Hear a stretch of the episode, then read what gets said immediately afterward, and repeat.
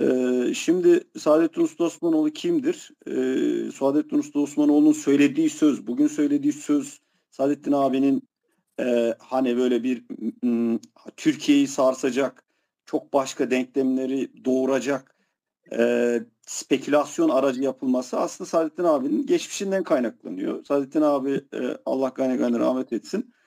E, Büyük Doğu'nun e, köşe taşlarından diyelim.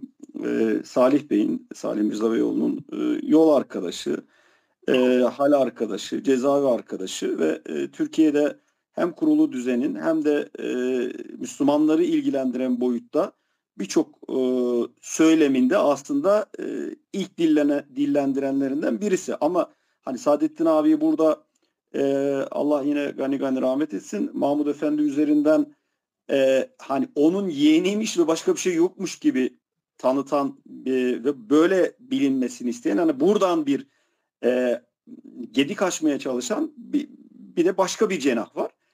E, ama Saadettin abi bir fikir işçisi, bir düşünce adamı. E, hem e, kurulu düzene, hem Kemalizme, hem siyasi politik arenaya, hem ideolojik örgüye itirazları olan, farklı bakışı olan bir abimiz, e, bir büyüğümüz. E, bizim özel olarak da e, farklı düzlemlerde e, yolculuğumuz da oldu. Birlikte e, kamp dönemimiz de oldu farklı insanlarla.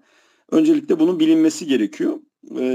Halen derslerine devam ediyor, yazılarına devam ediyor. Yazın yazım dünyasında çıkardıkları dergiler var, çıkar ya, yapmaya çalıştıkları farklı e, hizmetler var. E, yani Büyük Doğu idealini yaşatmaya çalışan, bu anlamda da mücadele veren bir abimiz. Öncelikle bunların bilinmesi gerekiyor. Şimdi son dönem e, yaptığı açıklama, daha öncesinde de Saadettin abi farklı mecralarda e, çok fazla Türkiye'nin gündeminde tartışma konusu kılınmaya çalışıldı. Ee, ve işte Habertürk farklı mecralarda da zaten çıkıp o dönemler kendisini anlatmıştı ee, uzun uzun. Zaten bu merak eden arkadaşlar varsa e, videoları da var internette. Ama bu Hamas e, konusu e, yani onların bir devamı aslında ama yani rastgele bir durum da değil ve bir belirli bir odağın e, hedefi de değil. E, bu bilerek köpürtülmüş bir durum. Zaten bildiğim kadarıyla şu anda herhalde reysen soruşturma açılmış ama bunları konuşacağız. Tabii bir de içimizden birilerinin e, hem yani mesela 2-3 gündür benim gördüğüm, tanıdığım çok, e, Kemal Çok özür dilerim e, değerli kardeşim. Soruşturma e, e, haberini ben az önce şeyden okudum. O soruşturmadan hukuken hiçbir şey çıkmaz. Kerem abi Bunu hemen e, söyleyeyim bu, tamam mı? Bu, programda e, mikrofon verilen hiçbir abimiz lütfen mümkünse Saadettin abiyi de konuşmanın ahenginde bozmasın. Sonra İstiyorsanız söz vereceğiz. E, çok da değerli bizim için katkılarınız. Ama bu öyle bir tartışma, bu, bu tartışma değil. E, aralara girme yok. Sadece Saadettin abimizi e, konuğumuzu dinleyeceğiz. Ben bu girişi yapmam gerekiyordu. Yapmam gerekiyor. Çünkü bu e, hani öyle bir şey değil. Rastgele bir şey yapmıyoruz. Bir sistemimiz var. E, şimdi bölündü mesela şu an sizin bu girişinizde. E, Saadettin abiyle alakalı sadece dışarıdan değil benim tanıdığım bütün Kemalistler, bütün din düşmanları bu 2-3 e, gün içerisinde işi gücü bıraktılar. Sadece Saadettin Bey'in açıklaması üzerinde yoğunlaştılar ve tutuklanması gerektiğini, bunun bir e, suç olduğunu, toplumu işte e, kamplaştırdığını, işte şu şu maddeler, bu bu maddeler ya, olağanüstü bir propaganda yürütüyorlar ama maalesef aynı durum bizde olduğu zaman e, yani Müslümanların böyle bir şeyi yok maalesef. Maalesef yani hatta bizim e, kendi kanadımızdaki, cenahımızdaki insanlar da e, eğer Kemalistler bir linç yürütürse bizden birisine hani bir yandan falan filan da e, ya işte o da fazla oldu bu açıklamada bilmem ne hatta işte ben Saadettin abiyle program yapacağımı duyurduktan sonra bile ya işte Saadettin Usta Osmanoğlu e, size pişman eder ya da işte bak bu işte üstünüze kalır e, aklamaya mı çalışıyorsun gibi yine bizim cenahtan itirazlar vardı kendilerini bağlar ama ya biz Müslümanız yani Saadettin Bey de e, zaten e, inandığı değerler adına bir çıkışta bulunmuş ama Ha, bir provokasyon falan değil. Onun için zaten biz bu bugün burada e, bunun açıklanmasını isteyeceğiz. Tekrar lütfettiği için, kırmadığı için Allah razı olsun. Abi siz bir giriş yaptınız kafadan dinledim. Yani bölmemek adına da hiçbir şey söylemedim ama şimdi öncesinden başlayacak olursak yani Saadettin abi yani o genel bir şey alayım ben sizin ağzınızdan. Mesela ben biliyorum ve izliyorum, takip ediyorum. Ama e, şu an e, ve biraz başından alırsak, e, kumandanın sürecinden alırsak, şöyle bir kısa bir girişle e, devam edersek çünkü siz e, Mahmud Efendi Hazretleri'nin de yeğenisiniz ama yani Saadettin Usta, Usta Osmanoğlu'nu e, yani bu değil yani bu bundan ibaret değil. E, o kısa girişi rica edeyim. Hani e, nasıl başladı hikaye? Biraz da bugün neler yapıyorsanız. Ondan sonra gündeme geleceğim abi. Bu biraz önceki meseleye anlattığınız kısımdan değil ama bu açıklamanız maalesef e, çok gündemde olan e, işte Cübbeli olarak bilen Mahmut e, Hoca'nın da bu sürece dahil olması ve başkaları da dahil olması biraz olayın rengini değiştirdi ama böyle bir kısa bir giriş sizden kendi hikayenizden özet alırsak e, çok da sevinirim. Tabii. Şimdi ben kendimi bildim bileli mücadelenin içindeyim. Ne kadar becerebilirsek. Fakat hep şu istikameti muhafaza etmeye çalıştım hayatım boyunca. Yaptığım işler ne olursa olsun. iyi niyetli olmalıyım ve Allah rızasına matüfen iş yapmalıyım. Bütün çevremdeki arkadaşlara da hep bunu anlatmaya çalıştım. Dolayısıyla hakikaten yani renkli ve maceralı bir hayat yaşadım diyebilirim. Bundan da memnunum. Bir daha dünyaya gelsem aynı şekilde yaşamayı düşünürüm. Hatta şunu zaman zaman bazı arkadaşlara söylerim. İşte bir cezaevi serüvenim benim oldu. 18 sene ceza verdiler. Bunun yatarı 12-13 sene falandı. Sonra kanunlar değişince 9 seneye düştü. İşte yatarı da 7 sene yattık çıktık.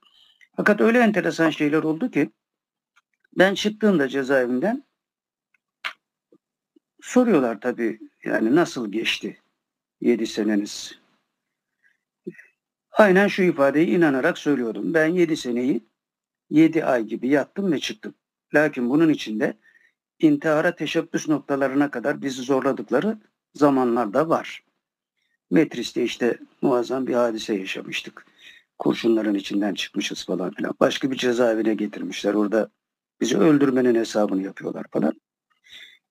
Dolayısıyla bir şeye giriyorsun yani bir strese giriyorsun. Bütün bunlara rağmen söylüyorum. 7 seneyi 7 ay gibi yattım çıktım elhamdülillah. Şimdi çıktıktan sonra soranlara bunu söyledikten sonra ekliyordum. Eğer aynı şartlarda yani o 7 seneyi nasıl yaşadıysam yani Salih Mirza Beyoğlu olacak. Ben onun yanında olacağım. Bu kayıtla bir 7 sene daha çok rahat bir şekilde yatarım. Bunu söylerken şunu da ekleyeyim. Normalde benim bedenim fiziki şartlarda bağışıklık sistemin 7 sene cezaevi yatmaya müsait değil. Yani ben normalde ölmem lazımdı. Ben kendim biliyorum çünkü yani. Buna rağmen 7 seneyi 7 ay gibi yattık çıktık. Bu arada tabii bu serüven yaşanırken bir takım hadiseler yaşandı. O hadiselerin idrakına da cezaevinden çıktıktan sonra varmaya başladım. Onun için zaten onları idrak etmeye başlayınca bir 7 sene daha, bir 17 sene daha bu istikamette çok rahat bir şekilde yatarım demeye başladım. Bu için hani bugün gündemdeki hadiseler böyle biraz şey gibi görülüyor. Hani mahkemeye vermişler, soruşturma açmışlar falan filan. Bunlar tabii artık komedi şekline dönmüş şeyler. Bizim için çok mühim şeyler değil. Tabii ilgilenilmesi gereken ama çok mühim şeyler değil. Bu arada bir şey öğrendim. Hani Üstad Necip Fazıl rahmetullahi aleyhin bir Adam Yaratmak diye bir PS, PS kitabı var. Orada konuşturduğu şekilde dedirtiyor ki bir adam yaratmaya kalkarak yaratmanın ne olduğunu anladım. Piyesteki kişilerden birine bunu söylettiriyor. Bir adam yaratmaya kalkarak yaratmanın ne olduğunu yani Allah Celle Celaluhu'nun keyfiyetine dair bir bilgi sahibi oldum demeye getiriyor. Şimdi teşbih hata olmaz kaydıyla ben de söyleyeyim. Ben öyle bir yedi sene yaşadım ki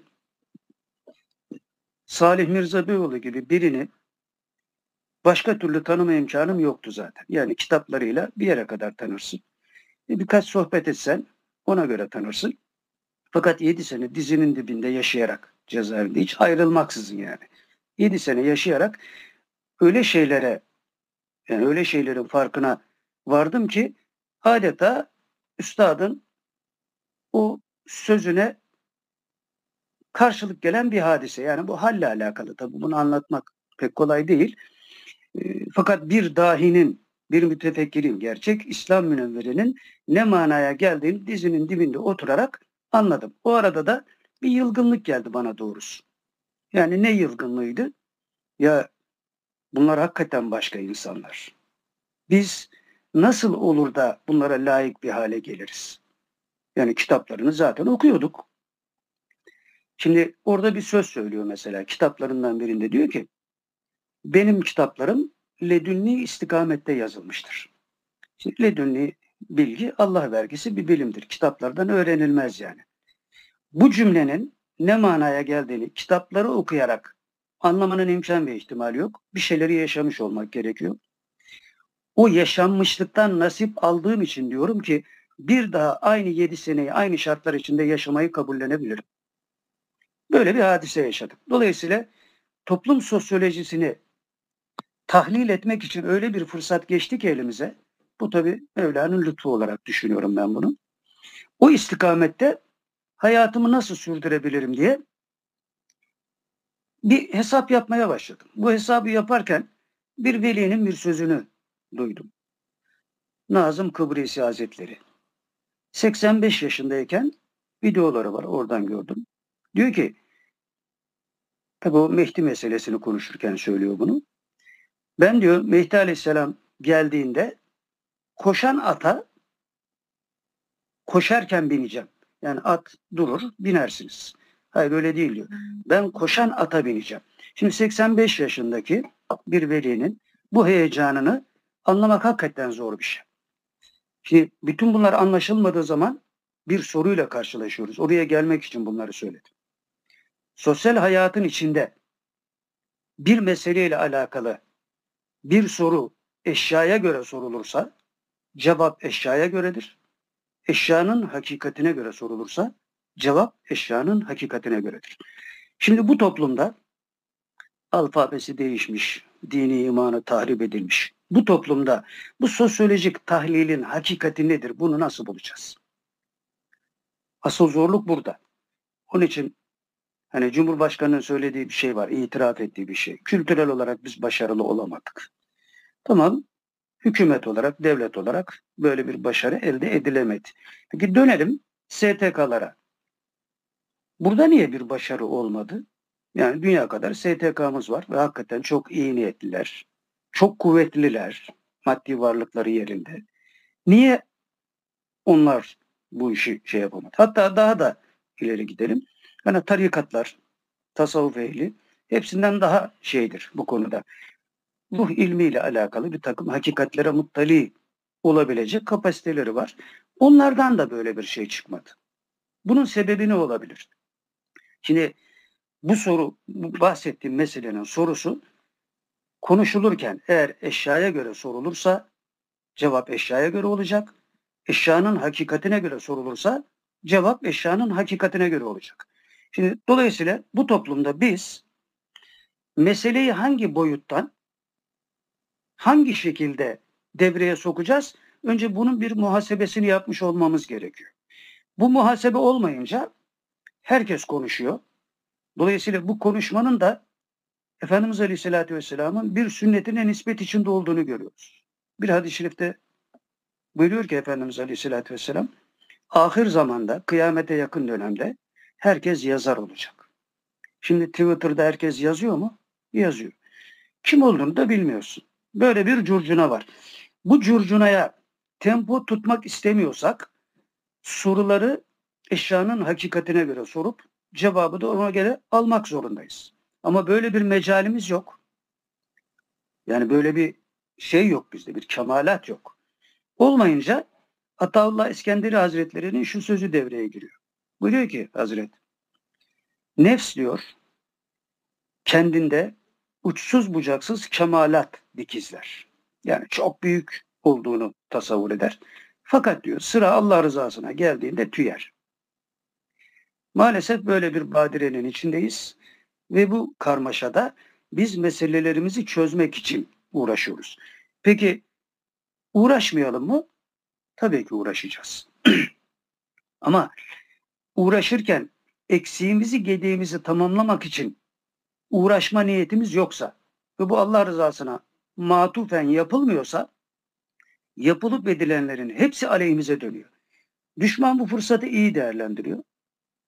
Dolayısıyla iyi değerlendirdiği için bizim bu düşük halimizden, bu perişan halimizden aşırı derecede istifade ediyor. Yoksa Salim Mirza Beyoğlu'nun bir sözü var. Dik durun, karşınızda leşler var. Yani bunları fiilen de yaşadığımız şeylerde gördük. Metris'te falan. Yaşadık. Onlara girsek çok uzun sürer sabaha kadar konuşulur. Dolayısıyla şimdi bu seyir içinde Hamas'ın devreye girmesi Mevla'nın büyük bir lütfu. Ve bize Efendimiz Aleyhisselatü Vesselam'ın sahabileriyle savaşlarda neler yaptığını hatırlatan bir şey koydular önümüze. Dünyayı titrettiler. Hristiyanlar, Yahudiler hepsi ayaklandı. Hepsinde bir vicdan patlaması oldu. Biz de dedik ki ya onlarda bu vicdan patlaması olduysa burada büyük bir hadise var. Bunun Türkiye'deki muadili neyse biz onu yapmalıyız burada.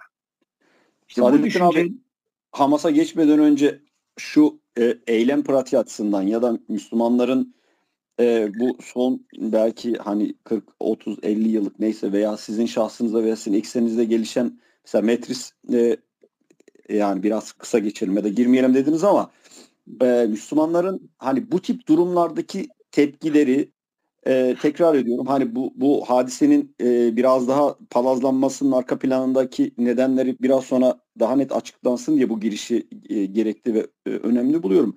Bir Medris, Metris şeyiniz var. Onun dışında mesela yaşanan 28 Şubat'ın yine e, yani içinde ve hani merkezinde etkinliklerde bulundunuz. İşte o zamanlar malumdur iddia üzerinden yürütülen terör tanımı algısı vardı. İşte o süreçlerin de yine merkezindesiniz ama yani o tepkinin eyleme dönüşme boyutunda Metris veya Müslümanların e, Cumhuriyet dönemi Müslümanların pratiği e, neydi? E, Saadettin Usta Osmanoğlu'ndan onun da bir kısa bir özetini alalım. Ondan sonra abi açıklamanıza geçelim. Adım adım gidelim ki yani kimse tamam.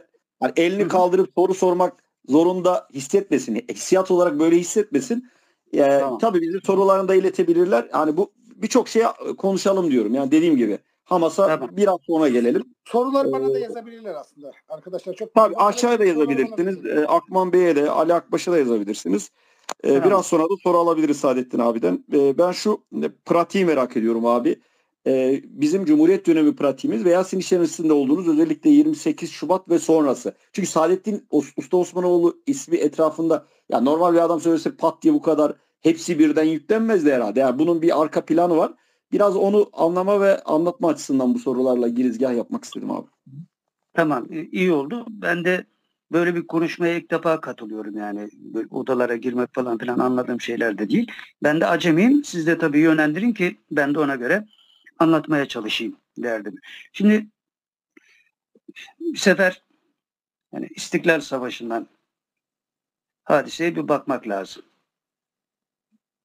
Sahi Mirza Beyoğlu Aydınlık Savaşçıları şiirinde diyor ki İstiklal Savaşı ile kurtardıklarımız birlikte oldu kurtardıklarımızla bedeli ihanet oldu kanımızın. Hadise böyle başladı. Ondan biraz evveline gidersek işte Osmanlı'nın son iki asrı hatta Üstad bunu Kanuni'ye kadar geri çeviriyor. Diyor ki bozulma Kanuni ile başlamıştır. Çünkü orada diyor ruhta bir burkulma oldu. Şimdi ruhta burkulma oldu deyince bugünün insanının bunu anlaması mümkün değil.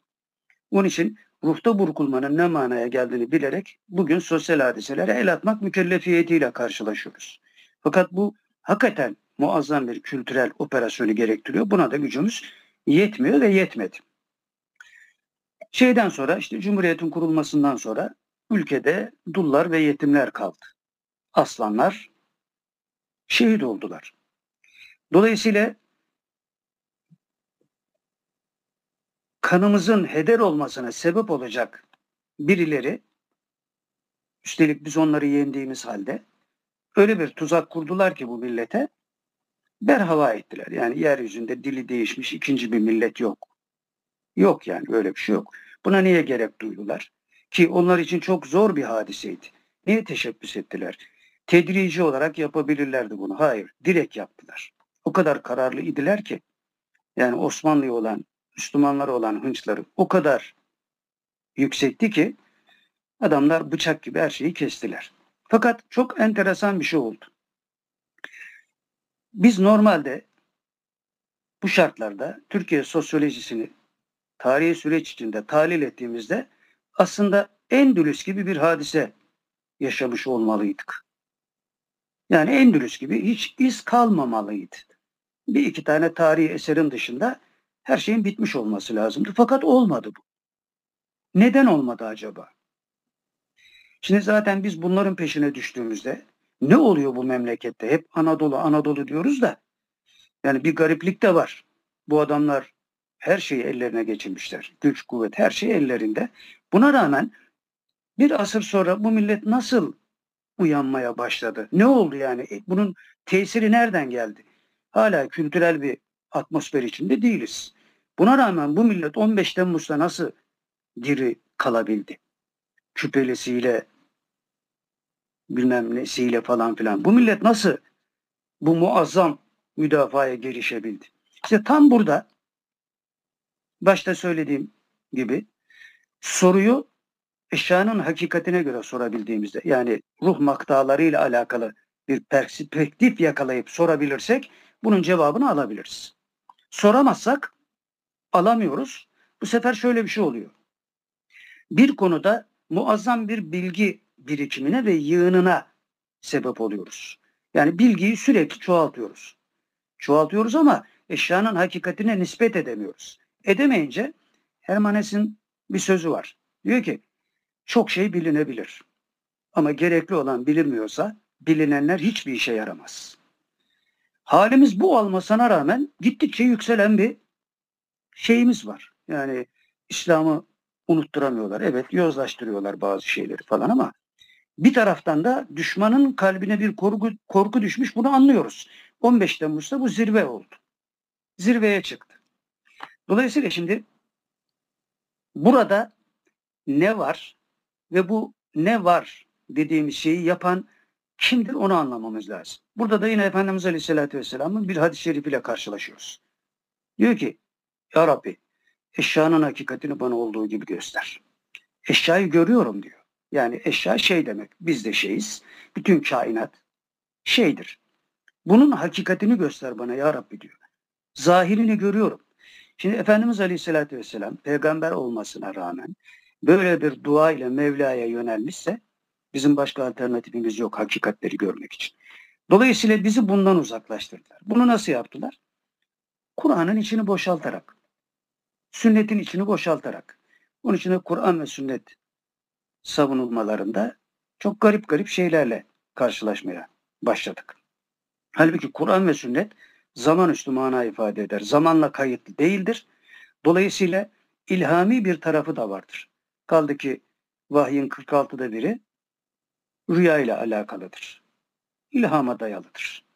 Dolayısıyla bunları bize unutturdukları andan itibaren teknolojiyi kuvvetli bir şekilde devreye soktular. Süt tozlarıyla ilkokulda içtiğimiz bilenler bilir. Süt tozlarıyla bizi yavaş yavaş hem fiziken hem fiilen hem fikren zedelemeye başladılar.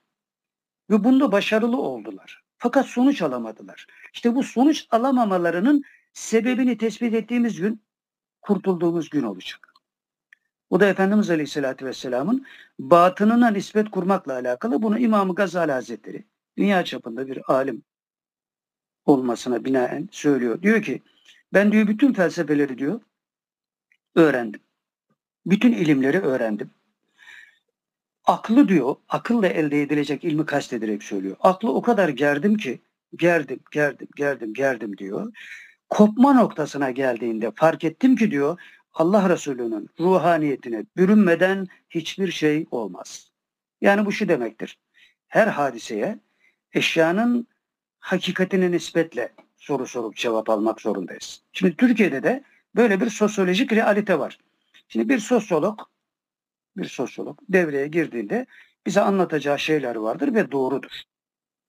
Fakat o doğrular sadece eşyaya nispetle söylenmiş olan doğrulardır. Onun bir adım bir adım ötesindeki doğru İmam Gazali Hazretleri'nin söylediği doğrudur. Veya Allah Resulü'nün duasındaki doğrudur. Şimdi bunu mesela Batı'da fizikçiler yapmış. Yani bizim anladığımız manada değil. Adam diyor ki bu önümüzde gördüğümüz masa var ya diyor. Bu diyor katı bir madde değildir. Nasıl değil? Akıl diyor ki bu masa katı bir maddedir. Vuruyorsun eline parmağına tık tık ses geliyor. Katı olmasa gelmez. Sıvı bir şey değil. Sonra tabii bunu laboratuvarında bize gösteriyor. Bakın diyor atomlar, moleküller, atom altı parçacıklar, bilmem neler falan filan bunu ispat ediyor. Sonra orada da durmuyorlar. Çünkü hayat boşluk tanımaz. Ruh aç kalmamakla mükellef. İlim adamları devam ediyorlar. Bu sefer kuantum fiziği devreye giriyor. Akıl almadık şeylerle karşılaşıyorlar. Fakat burada bir tıkanma başlıyor. Onlar için tıkanma başlıyor. Bizim için aslında tıkanma yok ama biz buralara kadar da gelememişiz ki. Yani Kur'an ve sünnet zaman üstü mana ifade ediyor deyip hadiseye girmiş olsak Batılıların orada çamura saplandığı yerde biz yolumuza devam edeceğiz aslında. Fakat biz oralara da gelememişiz. Böyle bir felaketle karşı karşıyayız. Buna rağmen sosyolojik realitede bu kadar başarı neden oluyor? Bu sorunun cevabını bulmakla mükellefiz. Şimdi Batılı diyor ki bir deney yapıyor. Herkesin bildiği bir şey. Çift yarık hadisesi. Mesela basitçe anlatayım. Duvarda iki tane delik var diyelim. Sizin elinizde de bir bilye var, bir misket var.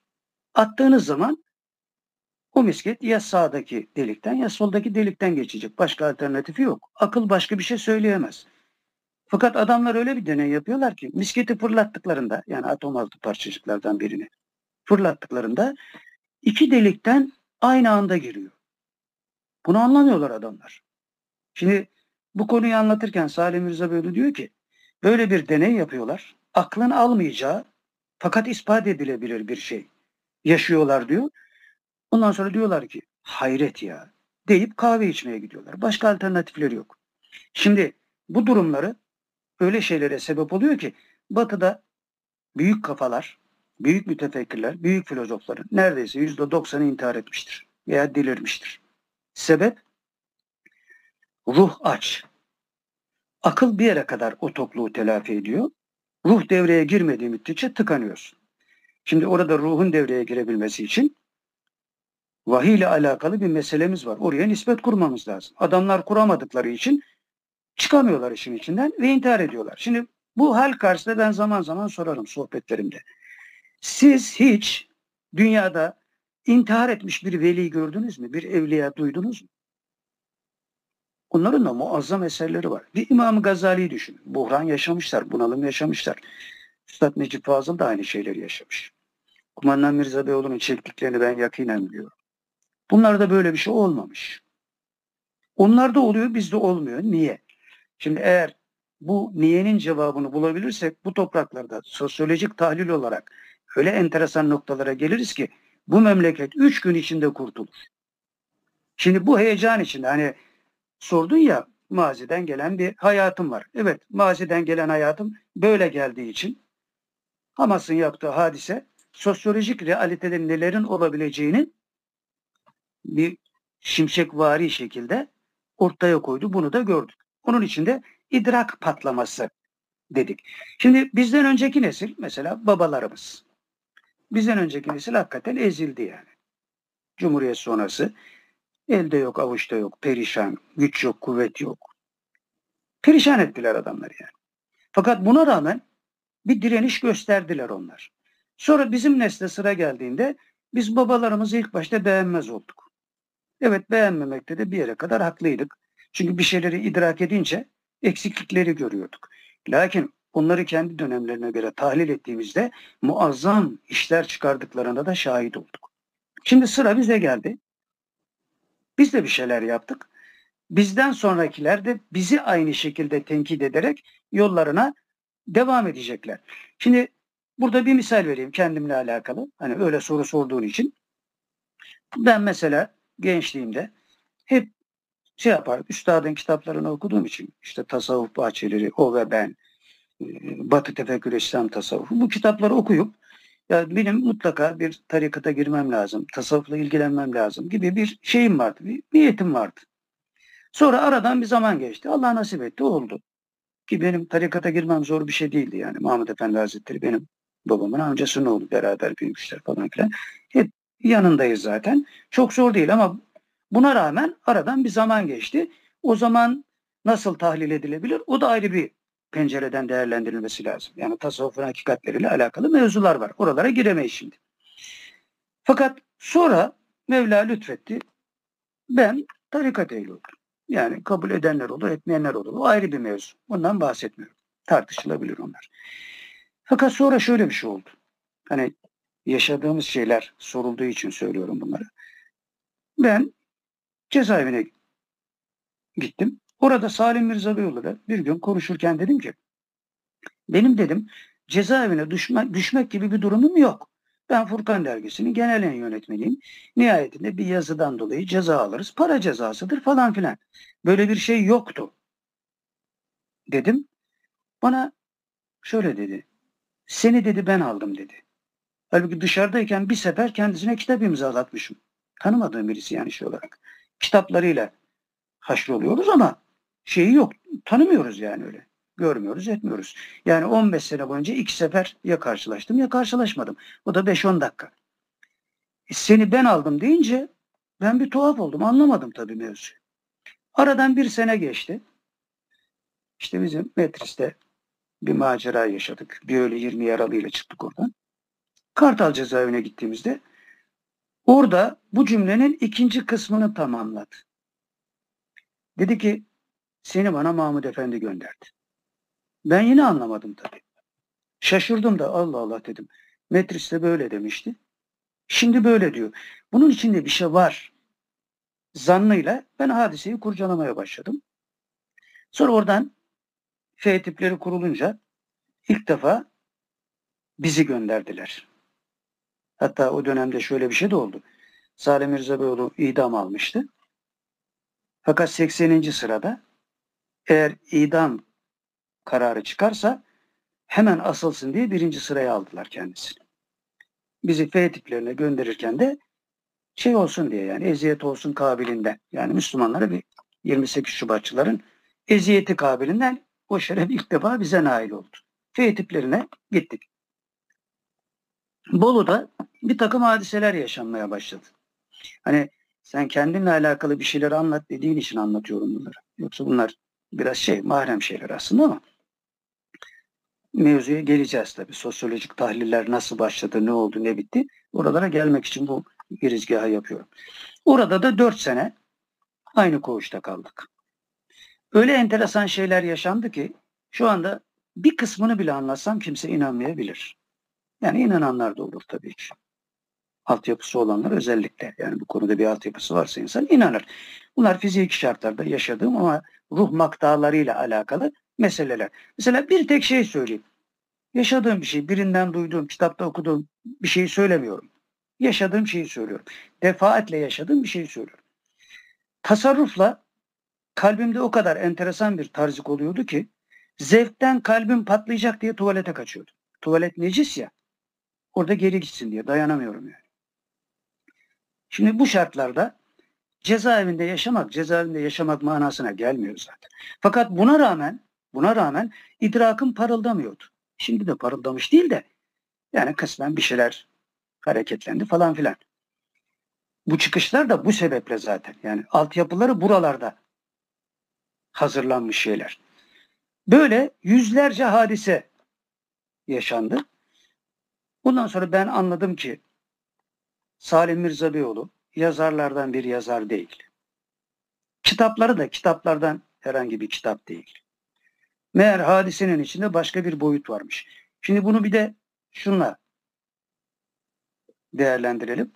Muhittin Arabi Hazretleri'nin bir sözü var. Diyor ki zamanın alimleri Kur'an ve sünnetten bir fikir çıkardılar. Bir muhatap anlayış. Bugün tabiriyle bir ideoloji diyelim. Kur'an ve sünnetten çıkardılar ama. Lakin bunu bu çıkardıkları doğru düşünceyi topluma aplike ederken diyalektik hata yaptıkları için, yanlış yaptıkları için filozofların maskarası oldular. Sonra arkadan İmam Gazali geldi diyor.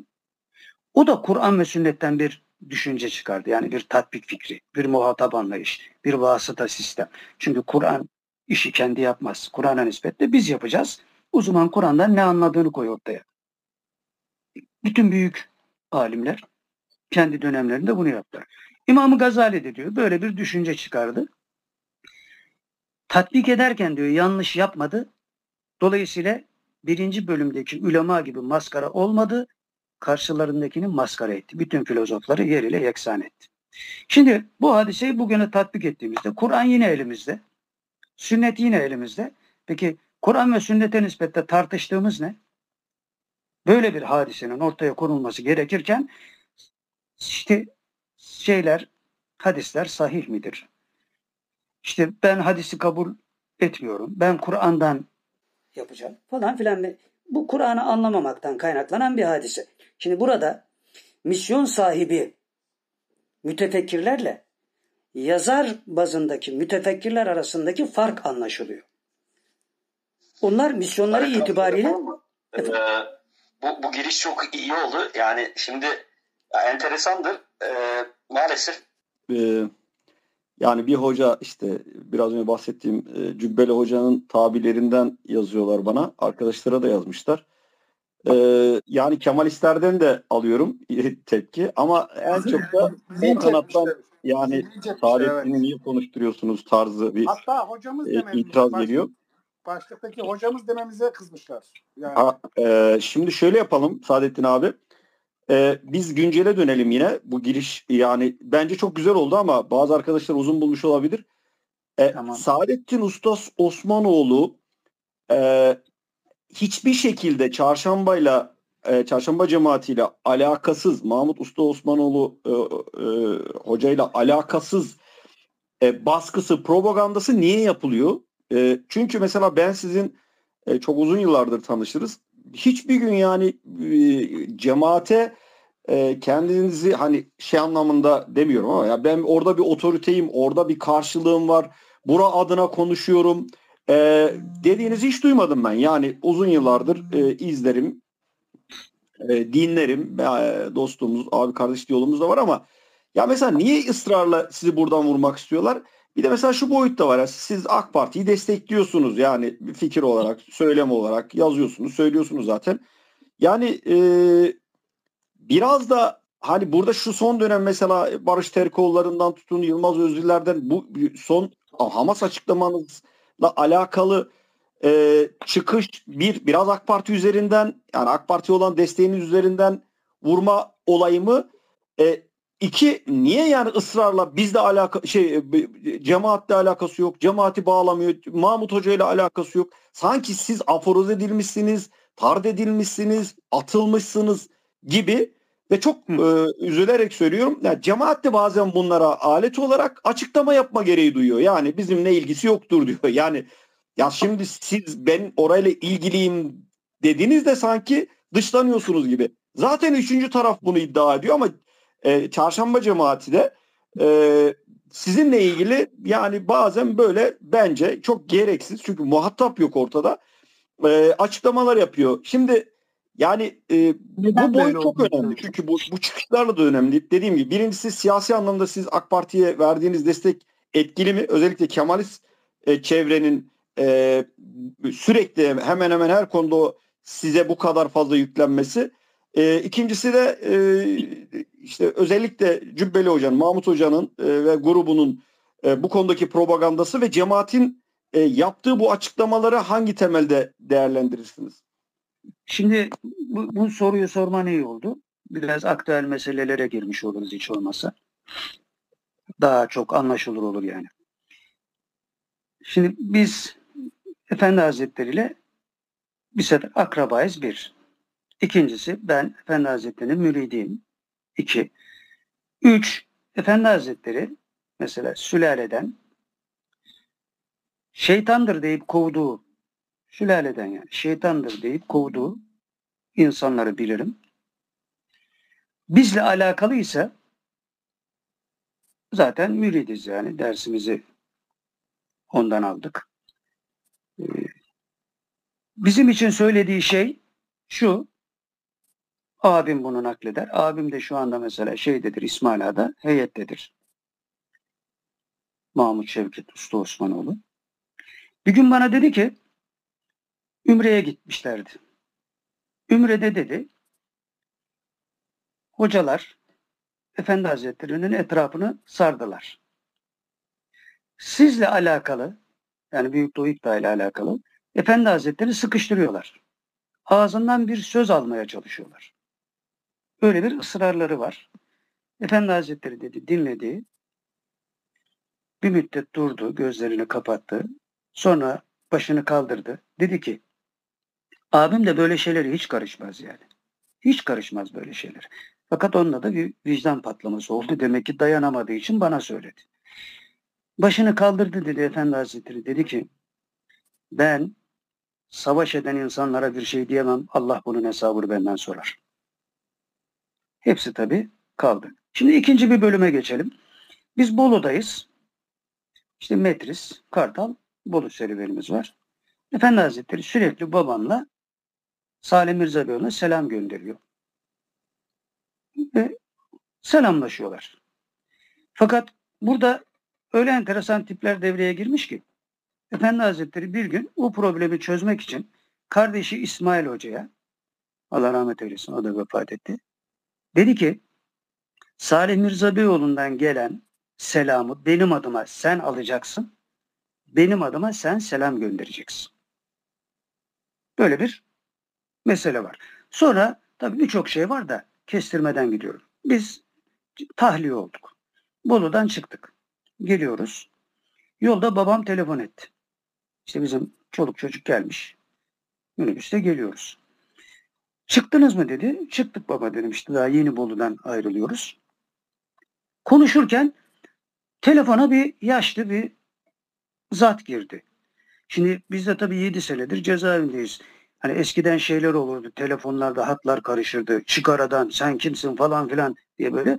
Öyle bir şey zannettim yani telefona birisi karıştı diye zannettim. Söylediklerini de anlamıyorum. Sesi de çok şey geliyor falan. Ya babam orada değil mi diyorum. Bir şey demiyor. Bir şey söylüyor anlamıyorum. Derken telefon kapandı. Sonra biz İstanbul'a geldik. Eve gitmeden direkt Efendi Hazretleri'nin huzuruna çıktım.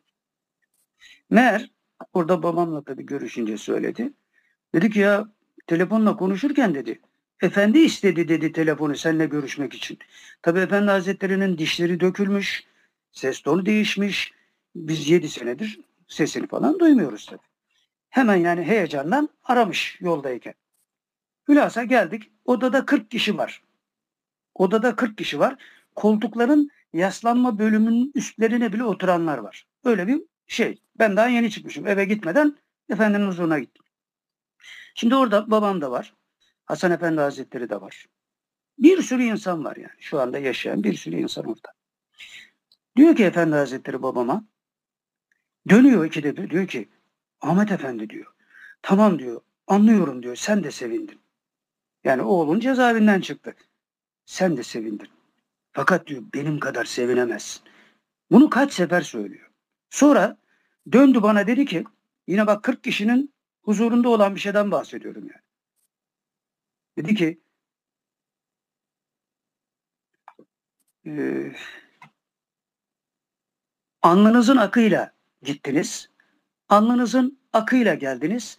İnşallah bundan sonra da böyle devam edeceksiniz. Sonra durdu, döndü cemaate dedi ki oradaki 40 kişiye 28 Şubat'ı kasten söyledi. Herkes korktu dedi. Bunlar korkmadı. Herkes korktu. Bunlar korkmadı. Şimdi mesela Cübbeli Ahmet Mahmut Ünlü dedin. Onun da söylediği bir şey söyleyeyim. Bizden yardım istediğinde bu kadın madın meselesine düştüğünde bizden yardım istedi. Gittiğimizde onun da söylediği ilk cümle oydu. Yani Arifan dergisinin girişinde ayaküstü ilk söylediği söz ki hayatımda ilk defa karşılaşıyordum onunla. Dedi ki ben sizin aleyhinize çok konuştum. Fakat ben biliyorum ki Efendi Hazretleri sizin aleyhinize tek kelime konuşmamıştır. Bana hakkınızı helal edin. Bunu söyleyen adam bugün neler söylüyor görüyorsunuz. Şimdi neden söylüyor bunları? Bunun tahliline girsek çok uzun sürer ama şu kadarını söyleyeyim. Bir soru işareti olarak kalsın. gelecekte onun etrafındaki insanlar öyle bir şok yaşayacaklar ki öyle bir şok yaşayacaklar ki hatırlayacakları FETÖ'ş olacak. Bu kadarını söylemiş olayım. Şimdi ilk başta söylediğim şeye dönersem biraz daha anlaşılır. BBC var diyoruz ama MI6 BBC için kuruldu diyoruz. Bunları nasıl tahlil edeceğiz? Onun için diyorum sosyolojik realiteyi eğer eşyanın hakikatine göre tahlil edemezsek bu benim söylediklerim de havada kalır. Şimdi bizi dinleyenlerden biri mesela eğer bana düşmansa, beni sevmiyorsa onun için bir şey ifade etmez ki bu. Bir şey ifade etmez yani. E, seven de alkışlar geçer gidersin. Bu şartlardan çıkmamız lazım diyorum. Böyle bir problem yaşıyoruz. Yani ben filancıyı seviyorsam sonuna kadar seviyorum. Sevmiyorsam sonuna kadar nefret ediyorum. Ya onun da iyi tarafı var, kötü tarafı var. Mesela Efendi Hazretleri'nin 28 Şubat sürecinde şey 12 Eylül döneminde söylediği bir şey var. E geliyor birileri tabii işte Efendi Hazretleri memleket perişan günde 15 kişi ölüyor yani. Kimin öldüğü belli değil. Öyle garip bir durum yaşıyoruz falan. Hani biz de bir şey yapsak Müslümanlar olarak falan. Efendi Hazretleri dedi ki onlara evladım dedi. Daha o taraftan bizim bu tarafa, bizim bu taraftan o tarafa geçecek insanlar var. Acele etmeyin. Ehlullah böyle bakar hadiselere. Dolayısıyla bizi defaatle insanların önünde sitayişle bahsederek takdim ettiği halde hiç kimse bu tarafı görmedi, duymadı, bilmedi. Sebebi ne olabilir? Sebebi şu. Salim Mirza Beyoğlu'nun bir sözüyle ifade edeyim. Bizim diyor rahatsız eden bir tarafımız var. Rahatsız eden bir tarafımız var. Nedir o taraf? Fikrimiz. Ve dünyaya tamah etmeyişimiz. Şimdi bana mesela babamın bir arkadaşı Efendi Hazretleri'nin müridi bana söyledi. Dedi ki sen dedi biraz paraya biraz kadın meselelerine meyilli olsan dedi seni burada dedi multi milyarder yapacak insanlar var. Şimdi bak başka bir şey söyleyeyim biraz daha otursun hadise yerine. Bizim cemaatimizde iki cinayet oldu. Biri Hızır Hoca, biri Bayram Hoca. Şimdi bu bizden bahsetmeyen adamlar Hızır Hoca'nın rahmetullahi aleyh bizim dergimizin yazarı olduğunu bilmezler. Furkan dergisinin yazarıydı. Bayram Hoca ile alakalı da yaşadığım bir hadise var. Bunlar da sevilmeyen insanlardı bu cemaatte. Neler yaşadığını biliyorum yani. Bir seyahatimiz oldu Beykoz'a kadar. Bayram Hoca derya tabii. Anlattı gidene kadar. Bir yere götürmüştüm ben onu gitmek istediği için. Sonra dönerken de ben anlattım. Allah şahidimdir. Çarşambada arabadan inerken bana söylediği şuydu. Ya Üstad Bey dedi. Bu senin söylediklerini dedi. Yüz senede biz anlayamayız dedi ya. Ne yapacağız biz dedi. Bak Allah'ı şahit tutarak söylüyorum. Sonra zaten bizim dergilerimizden bir tanesinde de Mektubat-ı Rabbani'den çeviriler yapıyordu. Şimdi bunları bilmiyor mu bu cemaat? Biliyor. Fakat bizim rahatsız edici tarafımız onların dünyaya meyline mani olduğu için bizi sevmiyorlar. Yoksa bize sen şunu yaptın bunu yaptın diyen yok. Bugüne kadar çıkmadı. Hatta bir tanesiyle şöyle bir hadisem oldu. Burada Yavuz Sultan Selim Han Hazretleri'ne sabahları gider Yasin okur dönerdim. Bir gün bir baktım çıktım şeyden türbeden Giderken birisi geliyor bana karşı. Bizim cemaatten birisi yani kisvesinden belli. Ve bana doğru geliyor. Ben de şaşırdım. Allah Allah dedim. Bu niye bana bakarak geliyor? Demek ki beni tanıdı. Hakikaten yanıma geldi. Selamun aleyküm. Aleyküm selam. Beni tanıdın mı dedi. Dedim ya Simayen tanıyorum ama isminizi bilmiyorum. Ben dedi filancıyım. Meşhur birisi yani. Ha dedim ya o meşhur adam sen misin dedim ya. Ben yani Simayen seni tanıyorum ama o olduğunu bilmiyordum. Neyse başladı anlatmaya. Bana işte terörist olmanın zararlarını anlatıyor. Hani iptalciyiz ya. Fikri tarafından falan yok. Hani işte bunlardan vazgeç. Tam 45 dakika dinledim adamı. Hiç ses çıkaramadım. Dedim bir dökülsün bitsin. Bitti mi dedim. Bitti dedi. Şimdi ben anlatabilir miyim? Anlat dedi. Başladım anlatmaya. 45 dakikada ben anlattım. Meselenin sonunda aynen söylediği şey şu. Çok heyecanlandı. Tarikatı anlattım ben ona yani. O bana terörizmden vazgeç diye göya bir şeyler söylüyor. Ben ona tarikatı anlattım. Tarikat üzerinden de sosyolojik realitelerin olması gerekenini anlattım. Bu şaşırdı, çok heyecanlandı. Aynen şöyle dedi.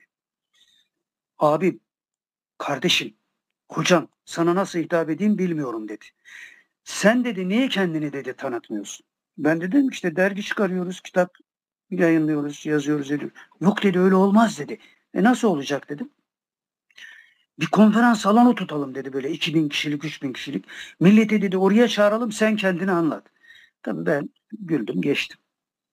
Şimdi seviye bu olunca birileri hakikaten rahatsız oluyor.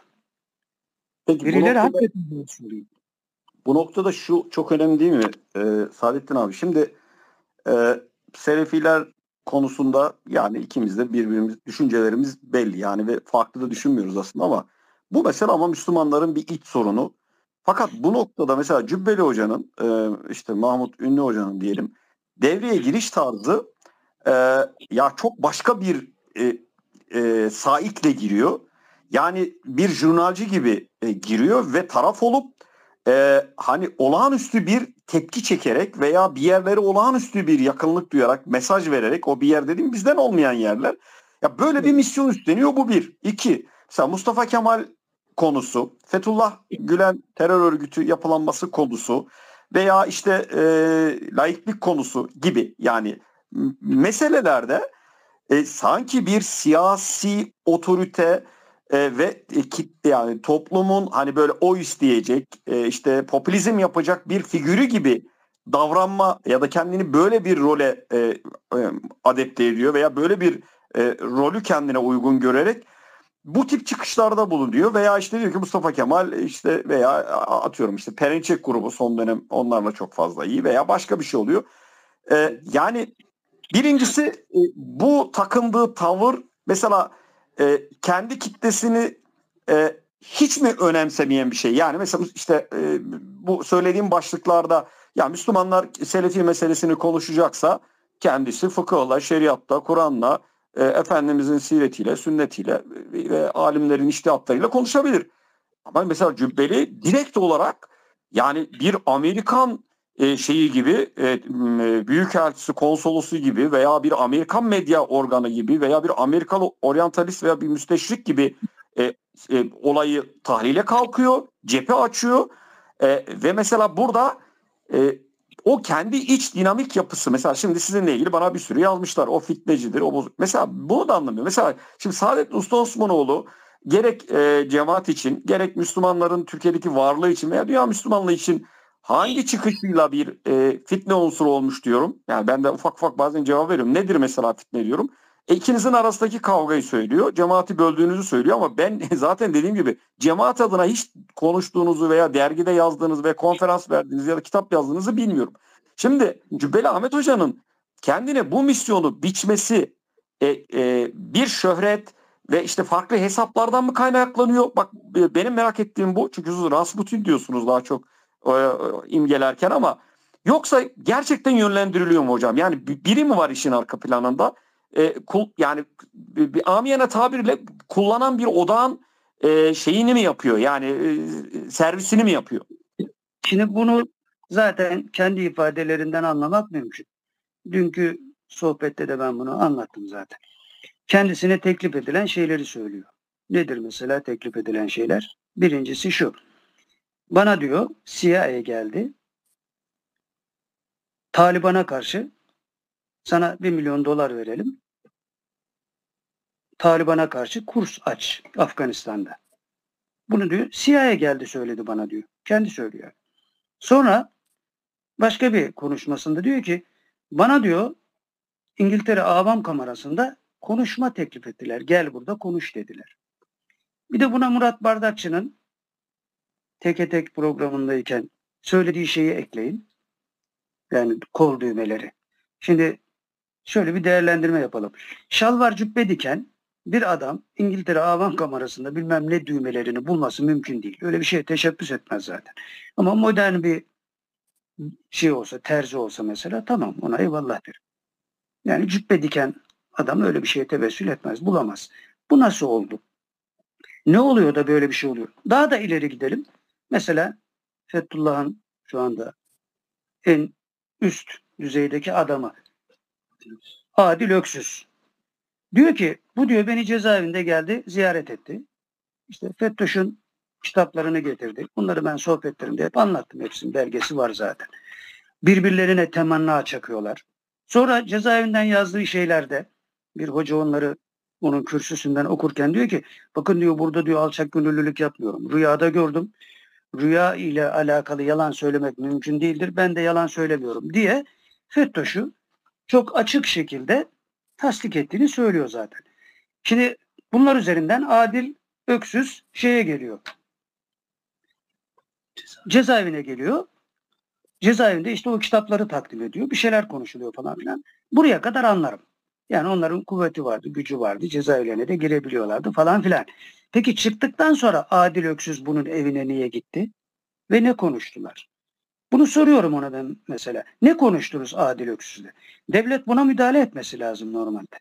Yani bu Adil Öksüz sıradan bir adamdan bahsetmiyoruz. Ne oldu orada? Ne konuşuldu? Böyle bir garabet var. E, ben diyor FETÖ ile diyor mücadele ettim. Yok sen mücadele falan etmedin ya. FETÖ bizi içeri atarken sen başka bir şeylerin peşindeydin. Bunları anlatman lazım.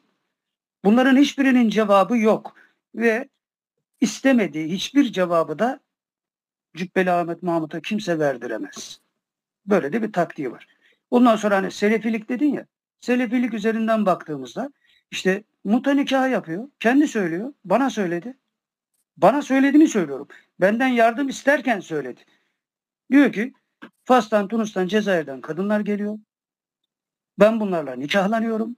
Sonra döndüklerinde, geri dönmediklerinde yani memleketlerine gidip geri dönmediklerinde boşuyorum. E bunu nereden çıkardın diye soran hocaya ki o anlatıyor bana. İşte ömen lem yahkum bima enzelallahu ve ulaike humul zalimun. Ayetini gösteriyor. Allah'ın hükümleriyle hükmetmeyenler kafirdirler. Fasıktırlar, zalimdirler. Üç ayrı yerde geçiyor. Buradan çıkarmış. E bunu Türkiye'de kalbur üstü ulemadan iki kişiye soruyorlar. Ya buradan bu nasıl çıktı? Onlar da şaşırıyor. Bunların hiçbirinin izahı yok. Ama bir kuvvet var. Bir kuvvet var ortada. Şimdi buradaki misal şu olması lazım. Belam bin Bavur Musa Aleyhisselam'ın yardımcısıydı ve dünyanın en büyük alemiydi zamanında. Sonra Belam ne oldu? Ne oldu Belam'a? Musa Aleyhisselam'a beddua edecek noktaya kadar adileşti. İlk başta iyi niyetliydi. Dolayısıyla şimdi hani devşirilmiş insan tipi vardır ya. Bunların devşirilmesindeki sebeplere bakmak lazım. Bunlardan bir tanesi mesela Irak'taki Kesnizani tarikatıdır. Bu tarikat ehil bir tarikat. Fakat şeyhin oğlunu ele geçirdiler. Saddam hiç savaşmadan memleketi teslim ettiler. Saddam savaşacaktı ama o kadar sarmışlar ki etrafını. Şimdi ben bazı şeyler söylüyorum, sağlamasını da yapıyorum. Burada çarşambada sokak sokak, sokak sokak diyorum bak. Sokak sokak bu işin içinde olanlar var. İstihbarat yani çalışıyorlar. Hocam yanlış anlamadım. Cübbeli ile FETÖ ilişkisi mi var diyorsunuz? Ee, yani böyle bir bağlantım var. Tabii tabii tabii. tabii. Ama Abi dolaylı. Peki, peki Dolaylı. Saadettin abi Rasputin e, tanımınızın biraz açar mısınız abi? Yani Cübbeli için Rasputin ifadesini kullanıyorsunuz. Bir de her şeyden önce bu kavganın temelinde e, ya usul sorunu mu var abi? Yoksa Heh, Esad'dan mı bir probleminiz onu- var? Yani çıkışı ve onu- gelişimi açısından. Tamam. Buna binaen bir şey söyleyecektim. İyi ki sordun hatırladım şimdi. Şimdi Cübbeli ile benim aramda bir şey var mı yok mu? Bunu dünkü sohbetimde de söyledim. Tayfun Atay. Bu adam solcu. İşte tarikatlarla alakalı yazılar yazar. T24'ten yazarı. Bu adam bile tespit etmiş vaziyette. Şimdi ona soruyorlar. YouTube'da var konuşması. Diyorlar ki Saadettin Usta Osmanoğlu'nun da böyle bir derdi var mı? İsmaila'dan mürit toplamak falan filan. Ha şunu da söyleyeyim. O kabiliyetim var. Ben bugün şeyhliğimi ilan etsem 3 ayda bin tane 2000 tane adam kandırırım yani. Hazırlar yani. Samimi söylüyorum. Adama bu soruyu sorduklarında diyorlar ki diyor ki yok yok diyor. Onun öyle bir derdi yok diyor. Öyle mürit toplamak falan filan. Zaten üç kişi varsa benim etrafımda dördüncü kişi olduğunda bir tanesini yollarım yani. Benim derdim o değil. Ben fikir bazında hareket ediyorum çünkü. Böyle adam toplayalım bilmem ne. Onlar çok kolay işler. Çok kolay işler. Ve iki senede ben multimilyarder olurum. Fakat adam Hocam tespit etmiş, tespit etmiş bir saniye. Bitireyim bir saniye. Tespit etmiş adam. kaydederler, sağını solunu keserler. Böyle böyle adam kandırırım, e, zengin olurum e, sözlerini kullanırlar. Onu biraz e, dikkatli kullanalım. Çünkü biliyorum ben e, bu odalarda çok yaşadık onu. Ekran Tamam. kimin elinden ne geliyorsa ardına bırakmasın. Önemli değil. Tabii dikkatli ediyoruz. Teşekkür ederim uyarınız için. Şimdi bu Tayfun Atay diyor ki onun öyle bir derdi yok diyor. Saadettin Usta Osmanoğlu diyor. İsmail Ağa'nın komiseri gibi davranıyor diyor. Yanlış bir şey gördü mü müdahale ediyor. Evet ben oyum. Ben oyum. Çünkü ben bu cemaate mensubum. Efendi Hazretleri'nin ruhaniyetinden müstefit oluyorum, istifade ediyorum. Dolayısıyla bir yanlış gördüm. Her Müslüman gibi ben de müdahale edebilirim. Fakat nereye gidiyor iş? Bunlar anlaşılmadığı için. Mesela diyoruz ki ya gelin konuşalım mesela bazı meseleler. Gelmiyorlar. Ya İslami mesele konuşacağız. Hani siz benim aleyhime bir beyanat yayınlıyorsunuz. Bu da öyle komik bir noktaya gidiyor ki mesela diyorlar ki beyanat veriyor. İsmail Ağa beyanat veriyor şimdi. Saadettin Usta Osmanoğlu'nun İsmail Ağa'yı temsil etmesi gibi bir şey yok. Tamam ben de onu söylüyorum. Öyle bir temsil makamında değilim ki. Olmak da istemem zaten. Orada vakıftasın. işini gücünü yapacaksın. Ben burada işin başka tarafındayım. Ruhani tarafındayım, fikri tarafındayım falan. Bu işlerle zaten uğraşamam ben. Bu beyanatı veriyorlar. Ben böyle bir şey söylememe rağmen. Fakat daha da ileri gidiyorlar. Geçen hafta işte verdikleri. Ben de mahkemeye verdim onları zaten bu sebepten dolayı. Başka bir beyanatta bulunuyorlar. Diyorlar ki yani sondan bir önceki beyanat. Saadettin Usta Osmanoğlu Usta Osmanoğulları adına konuşamaz. Ben bunu duyunca hakikaten şok oldum. Yani bu saflığı nasıl yaptılar? Sanki yani ortada Usta Osmanoğulları adına bir şirket var. CEO'dan başkası söz sahibi değildir. Kimse konuşamaz der gibi bir şey. E ben hala konuşuyorum. Ne yapabilirsin ki sen bana? Ne yapabilirsin? Yani Usta Osmanoğulları adına konuşmama da mı? Şimdi bunları kim yaptırmak istiyor? Mesele o. Şimdi CIA diyoruz. İngiltere Avam Kamerası diyoruz. Gömlek düğmeleri diyoruz. Diyoruz da diyoruz. Ondan sonra bir sürü şey daha söylüyoruz. Ve bunların karşısında cevap istiyoruz. Cevap yok. Cevap yok. Bir cevap verin. Deyin ki böyle değil. E, tapeler orada. Tapeler elimizde. Yani devletin resmi kayıtları. Bunların hiçbirine cevap vermiyorlar. Bunun arkasındaki kişiler de büyülenmiş gibi sanki böyle bir şey olmamış. Dolayısıyla Saadettin Usta Osmanoğlu bir şeyleri ele geçiriyor. Ya bana bedava verseniz diyorum almam. Üste para verseniz gene almam. Vallahi almam billahi almam. Benim öyle bir misyonum yok zaten. Öyle bir derdim de yok. Ben burada başka bir şeyin peşindeyim. İşte o peşinde olduğum şey biraz mücerret olduğu için orada da maalesef biraz sıkıntı çekiyorlar. Yani anlamamanın gereği olarak sıkıntıdan bahsediyorum. E gelin diyorum konuşalım. Hatta onlara diyorlar ki bazı hocalar ya çağıralım Saadettin'i. Ona söyleyin. Aman yok yok sakın ha sakın ha. Niye? Niye? Bunun da cevabı yok. Ha şimdi Salim Mirza söylediği sözü onun için söyledim. Bizim rahatsız eden bir tarafımız var. İslam adına yanlış gördük mü müdahale ediyoruz. Can pahası, kan pahası. Bunu yapıyoruz biz. Çünkü Allah'ın emri bu. Peygamberin yolu bu. Adam diyor ki niye rahatımızı bozuyorsun ya? Efendimiz Aleyhisselatü Vesselam la rahate fid dünya diyor. Onun için bozuyoruz. Dünyada rahat yok. Ne için yok? Şimdi onun için Hamas'ın yaptığı bizim hoşumuza gitti. Sosyolojik olarak bunu Türkiye'ye nasıl aplike edebiliriz? Ümmete nasıl aplike edebiliriz diye heyecanlandık. Ama adam sadece ah ah vah vah orada şu kadar insan öldü falan filan deyip ertesi gün yoluna devam edecek. Onun için hani bir söz var ya namaz camiden çıktıktan sonra başlar. Namaz Tam bu camiden noktada- çıktıktan sonra. Tam bu noktada şu çok e, tam yerinde de abi. Mesela bu kadar siz linç edilirken bütün yani bütün özellikle işte e, sol Kemalist veya li- liberal laik her kim varsa ya niye açıklama gereği duydu mesela niye yani size niye tekzip çıkarma gereği duydu? Hangi misyonu biçti ki kendine veya E, mesela burada onu açıklamaya iten ne gibi bir gerekçe var? Aranızdaki husumet başka bir şey ama konuşmanızda aramızda, aramızda aramızda gerçekten husumet yok. Vallahi yok billahi yok. Benim yok en azından. Bir husumet yok. Lakin başka bir şey söyleyeyim.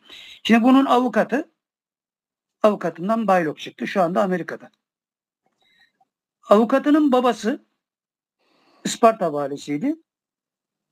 FETÖ'den içeride. Şimdi çıktı mı bilmiyorum. Yani bunlar bunun yanına yanaşmışlar. Bir takım şeyler olmuş. Biz de diyoruz ki bak bir şeyler olabilir. Gel istiğfar et. Dön. Dön. Fakat Türkiye'de öyle enteresan şeyler oluyor ki bu biraz da tabii devletin sistematik yapısıyla alakalı. Çok şükür son zamanlarda MIT epey meselelere el attı tabii onları toparlamaya başladılar. Artık biz hücum ediyoruz yani düşmana. Fakat bunlar zamanında bir takım şeyleri elde etmişler. Şimdi sana birisi gelip dese ki bak burada bir görüntü var. Görüyorsun değil mi? He. E sen de işte hani toplumda rezil olmak istemezsin tabii ki. Şimdi bu memlekette kasetlerle parti başkanları gitmedi mi? Deniz Baykal nasıl gitti? Deniz Baykal'a bunu yapan filancıya falancıya sana bana na- niye yapmasın? Eğer dik duruşunuz yoksa bu tezgahlara gelirsiniz. Bak şimdi şey olarak söyleyeyim. Daha iki hafta üç hafta önce beş yıldızlı otelin beş yıldızlı otelin sahil kenarındaki denizinde yüzüyor. Birisi tesadüfen görmüş, çekmiş resmini bana gösteriyor. Yani öyle sakallı, şalvarlı, cübbeli birisi. Ve yanında da iki tane başı açık kadın. Yani onun öyle bir manzarayla görünmesi mümkün değil. Ama işte koruma var, cart var, cürt var falan filan. E sen bu hayatı yaşarken her şeyin sahibi sen olacaksın ve ehli sünneti de senden başka savunan yok gibi göstereceksin. Ondan sonra Jet Fazıl'ın o külüstür binasını ehli sünnetin kalesi diye yutturacaksın millete. E peki kıydığın geçici nikahlar ehli sünnetin neresine uygun? Bunların hiçbirine cevap vermiyorlar. Onun için onun bir takım finoları var. Böyle girerler, havlarlar. Saadettin cahildir. Doğru ben cahilim. Ama idealist bir noktada durmaya çalışıyorum. Salim Mirza Boyoğlu gibi birisini tanıdım. Üstad gibi birisini okudum. İmam Rabbani Hazretleri gibi birisini anlamaya çalışıyorum. İmam Gazali'yi tanımaya çalışıyorum. Benim de derdim bu. Ya bunları okuyunca diyorum ki ya hak ve hakikat uğruna eştara minel müminine enfusehum ve emmalehum bi endelem cennet. Cennet karşılığında diyor canlarınızı ve mallarınızı satın aldım. Bu pazarlığı göz önünde bulundurmayan, bu konuda dik durmayan insan her türlü tuzağa düşer. Her türlü tuzağa düşer. Düşüyorlar maalesef. Biz onları aslında kurtarmak için uğraşıyoruz. Ondan sonra hani yani Cübbeli'nin zaten Cübbeli Ahmet Mahmut Ünlü'nün en büyük özelliği yalanı çok iyi becermesi. Onun için ben dünkü şeyde de gösterdim. Şimdi burada görüntü olsa da size de göstersem. Mahkeme kaydı. Yalancılığına dair mahkeme kaydı. Hem de dergisinin başındaki adama kazık atmış. O da mahkemeye vermiş bunu. Yalancısın diye tazminat ödetmişler. Yalancısın diye. Hani ağzından bir laf çıkar iftiradır mahkemede onu anlarım bunu. Direkt yalancı. O da kabul ediyor. Evet yalan söyledim diyor. E şimdi bu kadar büyük ilim sahibi ondan sonra Metin Balkanlıoğlu hocanın ses kaydı tekrar gündeme geldi.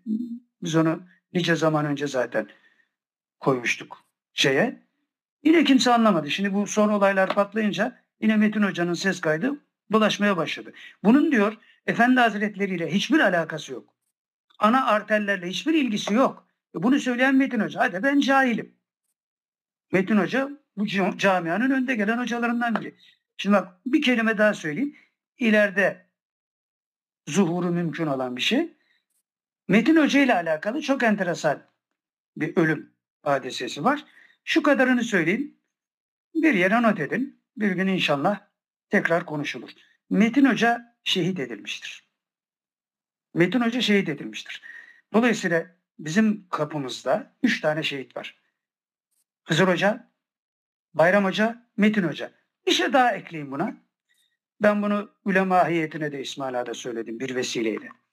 Yani tenkit ederek söyledim. Dedim ki siz bana böyle bir şey soruyorsunuz. Ama ben beklerdim ki bir geçmiş olsun dileyin bana. Ben 3 ay önce bir suikastten kıl payı kurtuldum dedi. Hepsi şaşırdı ne zaman oldu diye. Benim kapıma geldi adam şalvarlı, cübbeli ve sarhoş. Bunu Radikal gazetesinde de röportajını da yaptım. Sonra adama sorduk. Gittik evine konuştuk. Ki bu kişiyi babam beslemiş. Bizim giriş dairemizde yatmış kalkmış. Böyle bir adam yani. Diyor ki adam bize anlatırken ben diyor Beşiktaş kulübüne gittim. Beşiktaş kulübüyle bir dayısı mı amcası mı ne varmış artık. Oraya gider gelirim diyor. Masada dört kişi vardı diyor. İki tanesi sivil polisi diyor. Demek ki biliyor yani ne olduklarını. Benim diyor bardağıma diyor cin tonik koydular diyor. Bana cin tonik ikram ettiler. Ya ben içmem falan. Yalan söylüyor tabii içiyor. Çünkü kaç sefer sarhoş yakaladım adamı. Şalvarlı cübbeli. Burada çarşamba da sarhoş yakaladım yani. En son 15 Temmuz olduktan 4 gün sonra yakalamıştım. Belinde silah vardı. Yakalayıp emniyete teslim edeyim dedim. Kaçtı o arada. Bir taksi atladı gitti falan filan.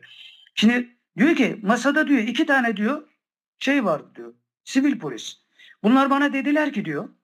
Dediler ki sen Furkan dergisini biliyor musun? Biliyorum dedi. Furkan dergisinin sahibi Saadettin Usta Osmanoğlu ve kardeşi Bahattin Usta Osmanoğlu FETÖ'cüdür dediler bana diyor. Benim de asabım bozuldu diyor. Halbuki biz o dönemde FETÖ'yle mücadele ediyoruz kıyasıya. Zaman Gazetesi çıktığı günden beri biz bunları tespit ettik. O zamandan beri zaten belki de yegane muhalif biziz yani. Hatta burada İsmaila'da bazı hocalar şey demiştir. Ya siz bu FETÖ'yü anlatıyordunuz da biz size inanmıyorduk. 20 sene sonra anladık bunu. Siz nasıl anladınız bunu? Dediklerinde ben de espri yapıyorum. Diyorum bak işine git kardeşim. Şimdi bir şey söylerim sana gene 20 sene sonra inanırsın bana. Uğraştırmayın bizi. Gidin işinize bakın. Şimdi Abi şöyle abi e, Wing Chun semineri beraberdik 20 25 sene önce. Ben Fethullah Gülen diye bir cümle kurdum. O zaman e, Mustafa Şahin'in de Salih Avcı'nın da kulakları çınlasın. E, ya bırak ne Fethullah Gülen Anamur'da e, FETÖ'ş deyin ya şuna dediğiniz ve ben o günden sonra mesela ben de yani ben Hı. bunun Allah şahit kıyamet günü e, bunun hesabını vereceğiz. Ben ilk orada beni uyarmıştınız. Ya Fethullah Metullah demeyin yani. O ismin bir şerefi var. Direkt FETÖ dediğinizi e, bu- bundan yani 25 yani. sene önce yani. Biz Anamur'da siz, sizden duymuştum yani. İlk defa Dolayısıyla sizden. buradan şimdi nereye gidiyoruz? Biz bunlarla ömrümüz boyunca mücadele ettik. Fakat bunların ele geçirdiği birileri ve servislerin dahil olmasıyla bize karşı aşırı bir düşmanlık söz konusu oldu. Benim diyorum Cübbeli Ahmet Mahmut Ünlü ile ne alacağım var, ne vereceğim var, ne görüşmüşlüğüm var. Sadece kadın meselesinde düştüğünde Efendi Hazretleri'nin torununu devreye soktu. Dedi ki Saadettin de görüşmek istiyorum. Benle görüşür mü? Yani görüşmeyeceğimi de tahmin ediyor. Çünkü onun şeyi karakterini sevmiyordum yani. Tuhaf geliyor bize. Ama dedik düşene vurulmaz falan. Gittik görüştük. İşte görüştüğümüzde de bizden yardım istedi. Ondan sonra aradan bir zaman geçti. Abimi devreye soktu. Salim Mirza cezaevinden çıktıktan sonra. Dedi ki işte ya Saadettin'e söylesen de bizi Salih Bey'le bir görüştürse. E şimdi ne diyor? Bunlar terörist diyor. Yani bir ayağının üzerinde 40 tane yalan söyleyen adamdan bahsediyoruz. Bunun arkasında duranlar bu yalanların hiçbirine kendileri cevap veremediği gibi hocaları da cevap vermiyor. E diyorum ki mübarek adamlar biraz aklınızı başınıza toplayın. Akıllarını başlarına toplayabilirler mi? Toplayamazlar. Sebebini de söylemek istemiyorum şimdilik. Toplayamazlar yani. Ama vakti gelecek. Şimdi dolayısıyla Hamas vesilesiyle bizim söylediğimiz sözlerin temelinde bunlar yatıyor. Bir idrak patlaması olacak. Vakti geldi çünkü. Hocam Peki, ben- vakti geldi. Açılımı çok uzun tabii. Hamas'ı soracağım şahsın abi. Ben, o şahsın ben Yılmaz Hocam şunu da sorayım. Yani Habertürk'teki o Fatih Altaylı'nın programlarına çıkınca ben e, hep o zamandan şüphelenmiştim biliyor musunuz? Sürekli ben bu kişiyi bu kişinin programına çıkartmazlar diye yani. Çıkartan kişi de sıkıntılı, kanalda sıkıntılı. E, o zamandan beri ben hep bir altını şey aşağı Akman abi, Akman abi bu, bunlar sonra konuşalım mı? Şu bitirelim şu birinci bölümü. Hamas çünkü iki sorumuz var. Abi çok can alıcı bir şey. Ee, soru, soracağım bir şey de ee, bizim e, arkadaşlardan da aynen aynı şekilde sormuşlar. E, bu final sorum. Bizim benim burada amacım sizinle Cübbeli arasındaki herhangi bir e, özel ya da genel konuyu kaşımak değil. Ama dün yaptığı açıklama hani siz bu kadar yani bu kadar büyük bir linç ara yani e, sebebiyken e, yani en büyük düşmanlık bile olsa e, siz zaten gerekeni söylediniz ama yani en azından susar bir Müslüman yani. Çünkü e, bağlamından koparılmış tamamen şimdi sizden dinleyeceğiz onu. Ya o açıklamayı e, husumet ötesi buldum doğrusunu isterseniz bir Müslüman olarak e, ve Cübbeli de sonuçta bu camianın bir parçası. Ama e, Tayyar Tarcan da e, sormuş. Abi buradaki bir kilit soru şu ya da sizin e, bizim için benim için çok önem taşıyan e, cevabınızın e, mahiyeti e, Cübbeli yani şehitler var, acayip kırılma dönemleri var. Bunu sizle şahsen konuştuk. Bir gazeteci olarak, bir Müslüman olarak takip ediyorum. Özellikle cemaat içerisinde. Cübbeli e, Yılmaz abi, hoca ele geçirmek... galiba. Hoca düştü galiba abi. Geri gelir o zaman. Aldım aldım. Mikrofon verdim tekrar. Tamam. Düştü Buyur galiba. abi. Saadettin abi duyabiliyor musunuz?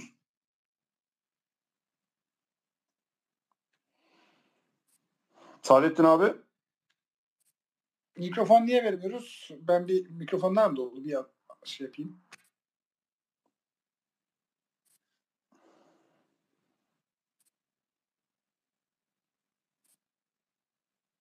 Ee, Geldi şu Saadettin an abi beni odada. görüyor musunuz? Ama şey yok mikrofonda görmüyorum ben. Gitti geldi herhalde. Kendi mi takıldı acaba? Çok mikrofon. E, şimdi aldı. Tamam. Mikrofon davetlerini Tamam. iptal ettim. Saadettin abi duyabiliyor musunuz? Sizi duyuyorum. Siz beni duyuyor musunuz? Duyuyorum abi. Duyuyoruz sizi. Şimdi e, yani sondan bir önceki soru. Cübbeli bahsini kapatıyoruz. Sonra Hamas'ı soracağım size. E, daha fazla yormak istemiyorum size. E, burada cemaati ele geçirmek isteyen odakların aparatlığı mı söz konusu? Yoksa Cü- Cübbeli Ahmet e, Ünlü Hoca'nın kendisinin e, böyle bir temel motivasyonla, itkiyle, yönelişle, hedefle uyguladığı bir strateji mi var? Bütün e, bütün anlattıklarınızın e, özeti, finali ve gerçekten de işin içerisinde olan, hadisenin içerisinde olan birisi olarak veya işte çıkarım olarak e, yani cemaati bir şekilde sevk ve idare etmek isteyenlerin aparatı olarak mı kullanılıyor burada birileri veya özele indirgersek Cübbeli Ahmet Hoca? Ya da e, kendisinin şahsi e, emelleri doğrultusunda diğer unsurları da yanına ve rüzgarına katarak ele geçirmek e, isteyen yani kendisinden hareketli mi bir e, cemaat ele geçirme iştiyakı var, hedefi var, hevesi var yoksa cemaati ele geçirmek ya da en azından yönlendirmek isteyen birileri mi e, bu şahsa bir, bir misyon biçti? Şimdi buradaki mesele şu. Bu sadece onunla alakalı değil. Bu herkese yapılabilir. Fakat bir şey olması lazım bunun yapılabilmesi için. Yani birinin ele geçirilebilmesi için bir takım zaafları olması lazım. O zaaflar üzerinden karşı taraf bu işi çok rahat bir şekilde yapabilir. Bugünkü şartlar da ona müsait. Onun için Deniz Baykal'ı misal verdim. Şimdi Cübbeli Ahmet Mahmut Ünlü ile alakalı bir zaaf belirtmemiz gerektiğinde aklımıza ne gelir? Çok açık bir şekilde ben bunları sohbetlerimde de söylüyorum zaten. Bir, kadın zaafı. İki, para zaafı. Üç, şöhret zaafı. Bunların hepsi ispat edilebilir şeylerdir. Lakin yalancı olduğu için yalancı olduğu için mevcut kuvvetleri o kadar şey kullanıyor ki, pervasız kullanıyor ki insanlar artık nefret eder hale geliyorlar. Lanet olsun diyorlar ya. Bununla uğraşılmaz. Burada hocaların nefes alamadığını ben biliyorum yani. Şimdi ben birisiyle mesela bir resim bir yer davet ettiler bizi. Bir Seyit vardı ki bu 6 sene beraber olmuşlar. Onlar icazet almış bir Seyit. Seyitliği de Osmanlı belgeleriyle mevcut yani. Onu da gösteriyor. Bu da YouTube'da bunların gösterdi, anlattı falan filan. Biz ona ziyarete gittik. Ziyarete gittiğimizde benim adetim değil ama orada teklif etti. Dedi ki bir fotoğraf çektirebilir miyiz? Namazdan sonra. Tamam çektirelim. Fotoğraf çekildik. Yanımızda iki tane hoca var İsmaila'dan. Üç tane hoca var. Bir de ben dört kişi gitmiştik. Bu fotoğraf yayınların yayınlanmaz. Adamlar harekete geçtiler. O hocalardan iki tanesini cezalandırdılar. Benim arkadaşlarım yani. Cezalandırdılar. Sebebi bu. Diyor ki o cezayı verenlerden biri diyor ki ya diyor başımızın etini yedi diyor ya cübbeli. Başımızın etini yedi diyor. Mecbur kalıyorlar. Peki nasıl onları mecbur bırakıyor? İşte orada olan biten hadiseler bilinmezse cemaatlerde, partilerde, bürokraside neresi olursa olsun hadiselerin muvazene noktaları, hadiselerin nasıl yürüdüğü asla belli olmaz. Burada diyorum adam şeyin içinde, İsmail Ağa'nın içinde bir takım şeyleri mesela soruyoruz. Dünyadan haberi yok adam. Yani bir şey yapman lazım ya. Burada bir, bir denge var. Hiç ondan haberin yok mu senin? Adam diyor ki ben işime bakarım diyor. Sen işine bakarsan işine başka türlü bakmak durumunda olan birileri alır seni tepe koyar. istediği gibi seninle oynar. Şimdi bu tarikatlarda ve cemaatlerde her tarafta yani bütün toplumlarda, topluluklarda olan şeylerdir bunlar. Bu zaaflara dikkat etmezsen bir şekilde ayağın kayar. Şimdi bu resim çektiren hocalardan bir tanesi işte hastalığı olan falan filan onu arıyor. Bak olan bir şeyi anlatıyor. Yalan desin. Onu konuşturayım. Arıyor diyor ki ya diyor sen işte şöyleymişsin böyleymişsin hastaymışsın falan filan. Sen iyi birisiymişsin aynı zamanda. Öbürlere benzemiyorsun. Ben sana biraz para yardımı yapayım. O da diyor ki benim yok böyle bir şeye ihtiyacım yok falan. Yok yok ben yapayım diye bir kısım bir miktar para gönderiyor. Bir miktar olmuş bir şey anlatıyor. Şimdi bu perdenin önündeki hadise. Perdenin önündeki hadise. Peki perdenin arkasında ne oluyor? Bu işi yapıyorsan her türlüsünü de yaparsın. Dolayısıyla adam burada baskı, baskı, baskı, baskı iflahını söküyor milletin. Ondan sonra başka bir kavga çıkıyor. Şimdi o kavganın özel kısmına giremeyeceğim tabii. Biraz ailevi meselelerle alakalı. Onları da istismar ediyor. Şimdi mesela Efendi Hazretleri'nin oğlunun ismini vermeye başladı. Hatta daha da ileri gitti. Daha da ileri gitti. Çok ahlaksız bir tavır içinde Efendi Hazretleri'nin gelinlerinin ses kayıtlarını sohbette alıp onları şey yapıyor. Deşifre ediyor. Yani normal kadınlara sohbet. Orada kendi elemanlarından birine ses kaydı aldırıyor. İşte bu rabıta meselesi falan filan. Yani adam çarşambada dedikodu kovalıyor. E biz bu adamla ciddi bir meseleyi konuşacağız. Neyi konuşacaksın kardeşim?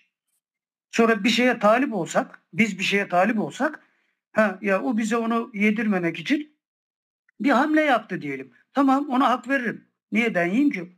Onun da yeme hakkı var. E böyle bir şeyimiz yok. Kimse böyle bir şey de iddia etmiyor zaten. Fakat iddia etmemelerine rağmen propagandanın içine bunu da sokuyorlar. Şimdi diyorum ya dün saat 9'da gene hala tweet atıyor. Saadettin Usta Osmanoğlu askeri polisi kırdırmak istiyor. Bunu anlatırken de işi tabii dalavereye getiriyor. İşte diyorum Akit Gazetesi'nin Akit TV'de 10 dakikasını dinledim. Programa katılacağım diye ancak o kadarını dinleyebildim. Ya 5 dakika içinde 40 tane yalan söyledi adam ya. 40 tane yalan söyledi. Ben de Akit TV'ye şey yaptım. Yani dedim bu ne ya? Anlamıyorum yani. Hani bize de şey yapın falan. Onlar da işte bugün şey yapmışlar zaten. Ya işte falan filan neyse orayı da söylemeyeyim. Bir takım insanlar şeye düşmesin.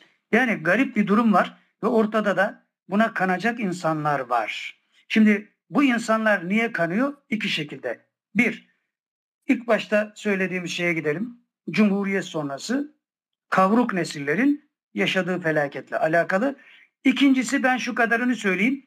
Gerisini siz anlayın. Kabbala. Ve şu hükmü de koyayım. Bir gün gelecek, bir gün gelecek. Bu millet öyle şeylerle karşılaşacak ki fakat bizden özür dileyecek vakitleri olmayacak. Bizden özür dileyecek vakitleri olmayacak. Şimdi biz mesela hani iddia falan filan diyorlar ya, bir şeyimiz var yani biz sistemle mücadele etmişiz falan filan. Fakat bana yapılan, direkt bana yapılan haksızlıklar karşısında normalde ben arkadaşlarıma bunu söylüyorum. Yemin ederek söylüyorum. Vallahi ben burada katliam yapardım. Katliam yapardım bana yapılan haksızlıklar karşısında. Ama yapmadım. Niye? Yani dayanamadığım için yapardım diyorum. Niye? Çünkü Efendi Hazretleri'nin tasarrufu var üzerimde. Gülüp geçiyorum. Normalde bir insanın dayanacağı şeyler değil. Yani gel bana anlat diyorum. Ve Efendi Hazretleri mesela birine diyor ki bir mesele var bunu Saadettin'le özel görüşün. Özel görüşürken öyle şeyler söylüyorlar ki cinnet geçirmemek mümkün değil. Ya bunları nasıl yapıyorsunuz diyor. Sonra mesela işte Efendi Hazretleri'ni zehirleyecek isim veriyor adam. Filancı zehirleyecek diyor Efendi Hazretleri'ni. Efendinin yakınlarından biri söylüyor. Sonra o adamla üç gün sonra kanka oluyor. E biz de bunlara dayanamıyoruz. Müdahale edince kimse bizi sevmiyor. Ha, şimdi ben onlar gibi davranmış olsaydım diyorum sarı cübbeyi giyerdim. Şalvarı da giyerdim. Diyorum ağzım da laf ediyor. E, medrese okumuşum, hafızım falan filan. Kandırılacak adam da çok piyasada. Buna talip olurdum, ben de rahat ederdim, keyfime bakardım. Yok böyle bir şey. Biz mücadelenin, İslam adına mücadelenin ne olduğunu öğrendik. Bize bunu öğrettiler. Candan ve maldan vazgeçmediği müddetçe İslam için bir şey yapamazsın ve dik duramazsın. Dolayısıyla biz bunu yaptığımızda insanlar rahatsız oluyorlar. Ne zorun var diyor. Otur diyor bak bir şöyle bizim gibi Müslüman ol diyor. Hayır sizin gibi Müslüman olamayız biz. Çünkü Allah'ın emrettiği Müslümanlık o değil. Biraz dik duracaksın, adil olacaksın, adaletli olacaksın. Dünyaya tamah etmeyeceksin. Her şeye atlamayacaksın. Bak bir tanesi mesela İsmail adam birisi. Herkesin de tanıdığı birisi. Arkadaşlara dedim ki gidin dedim. Bu arkadaşı deyin ki İsmail da yaptığı pislikleri temizlesin. Fakat o arkadaşları gönderirken biliyorum çünkü hadisi ısrarla ısrarla dedim ki arkadaşlara bak sakın para mara teklif eder o işlere sakın girmeyin ben bunları biliyorum çünkü. Sakın. Gittiler dediler ki işte Saadettin abinin selamı var. Diyor ki yaptığı pislikleri temizlesin. O işte ilk başta falan filan uzatmayayım mevzuyu. Sonra ne yapıyor biliyor musun? Kasayı açıyor. Bu pislik ne kadara temizlenir? 50 bin dolar mı 100 bin dolar mı? Aynen söz bu. Kapat lan diyorlar kasayı. Kapat. Ahlaksız herif. Bunlara girsem hepsi beni severler. Hepsi beni severler diyorum bak. Buna benzer nice şeyler. Şimdi konuşmuyoruz konuşmuyoruz diyorum. Bizim konuşmamamızdan hatta bir büyüğümüz şöyle diyor. Biliyorlar diyor siz onlara kıyamazsınız. Onun için sizin karşınızda duruyorlar. Başkalarıyla beraber oluyorlar. Siz kıyamazsınız onlara onu biliyorlar diyor. Yani o tarafımızı da biliyorlar aslında. E şimdi iş gele gele bu noktalara geldi. Durup dururken sana ne oluyor? Hadi Ahmet Mahmut Ünlü yayınladı adam. Başka bir formülasyon çünkü. Bunun başka bir derdi var. Benle direkt bir meselesi yok. İdealle alakalı bir problemi var onun. Dolayısıyla işte diyorum Fatih Oğuz avukatı, FETÖ'cü. Baylok, e, kendisinde de baylok çıktı. Bunlar nasıl kapandı ya? Tekrar o mahkemelerin açılması lazım. Geçen gün bürokrasiden birisi diyor ki bu adamın dosyaları diyor tekrar devreye sokulsun Adnan Oktar'dan daha fazla ceza alır. Ve başına gelecek göreceksiniz. Başına gelecek. Onun için nasıl atraksiyonlarda bulunduğunu da biliyoruz. Peki e, cemaati ele geçirme hedefi var mı abi? Ya da e, yani Cemaat- bununla ilgili bir yöntem uyguluyor mu? Hayır, cemaati ele geçirme diye bir şey yok. Cemaati zaten ele geçirmiş. Fakat sadece bir şeyi beceremedi. Bunu da bizim sayemizde beceremedi. Şeyhlik ilan edecekti. Ona hazırlanıyordu. Biz önüne dikildik, mani olduk, yapamadı. Şimdi şeyhi kendisi tayin etmeye çalışıyor. Kavga bu. Cemaati ele geçirmiş ama. Orada resleşmeleri bilmiyorsunuz siz de. Yani diyorum bir cemaatin içindeki dengeleri cemaatin içindeki adam bile bilemiyorsa dışarıdan hiç görülmez. Bir gün hepsi patlayacak, çıkacak. Ondan sonra onun adına bize şey yapanlar, havlayanlar çok rezil olacaklar yani. Pişman olacaklar ama iş işten geçmiş olacak. Hatta dün bir tanesi gözüme çarptı şeyde konuşurken. Hani altta alt yazı olarak yazılıyor. Adam diyor ki ya şalvar cübbeli resmini de koymuş. Diyor ki ya bugüne kadar diyor ben diyor senin aleyhine çok konuştum. Senin böyle birisi olduğunu bilmiyordum. Özür dilerim diyor. Hakkını helal et. Bunlar çoğalacak. Böyle var. Burada da var zaten. Ama hala bir baskı var.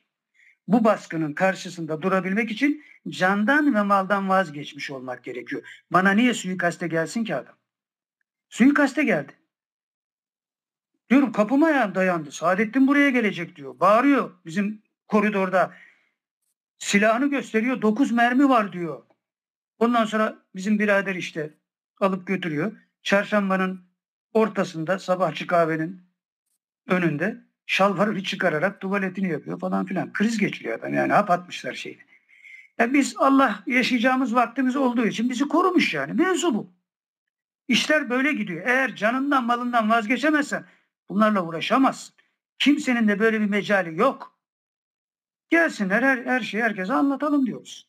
Ama en başta tabii sistemle alakalı bir mevzu var.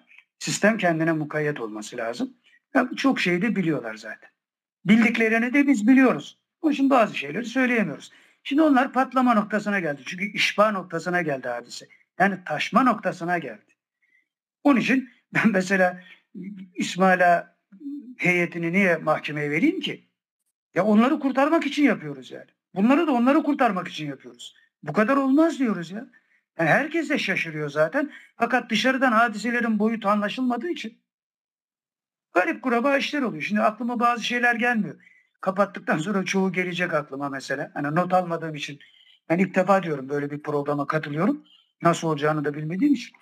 Neler var neler yani. Hangi birini anlatacaksın, kime anlatacaksın? Ya bütün bunları bir kenara atıyoruz. Diyorum ki gelin konuşalım. Gelin konuşalım. Tasavvufu konuşalım. Ben geçen gün abime söyledim telefonda. Ya toplayın heyeti dedim. Çağırın beni. Vallahi başka bir şey konuşmayacağım dedim. Sadece tasavvuf konuşalım sizle. Sadece tasavvuf yani. Hani terör diyorsunuz, bilmem ne diyorsunuz. Bir, bir tane çıkıp diyor ki işte yakınlarımızdan biri. Biz bu Saadettin'den ne çektik? Ya gel bana anlat ne çektim benden ya. Benden ne çektim? Bir bana anlat bunu. Bana anlatmıyor başkasına söyle. E, dedikodu yapma. Onun için diyorum bazen espri yapıyorum arkadaşlara. Ya ben ibadetlerimle falan cennete gidemem yani. Ki Allah Resulü de öyle diyor. İnsanlar ibadetlere gitmez ama ben hiç gidemem. Peki nasıl gideceğim? O kadar aleyhime konuşan var ki ben cenneti garantiledim gibi görünüyor yani. Bu kadar bu kadar olmaz yani. Hatta bunu birine anlattığımda bunu birine anlattığımda dedi ki ya ben de dedi senin aleyhine dedi çok konuştum. Seni böyle tanımıyordum. E dedim ki bak sen de katkıda bulunmuşsun cennete gitmemiş. Ama o arada siz cehenneme gidiyorsunuz yani ne olacak bu işler? Değer mi üç kuruşluk dünya için ya? Yani şöhret için, şan için, gösteriş için. Onun için biz etrafımızdaki insanlara hep onu söylüyoruz. Eğer Allah rızası için iş yapmayı öğrenmemişsen hiçbir şeye karışma kardeşim.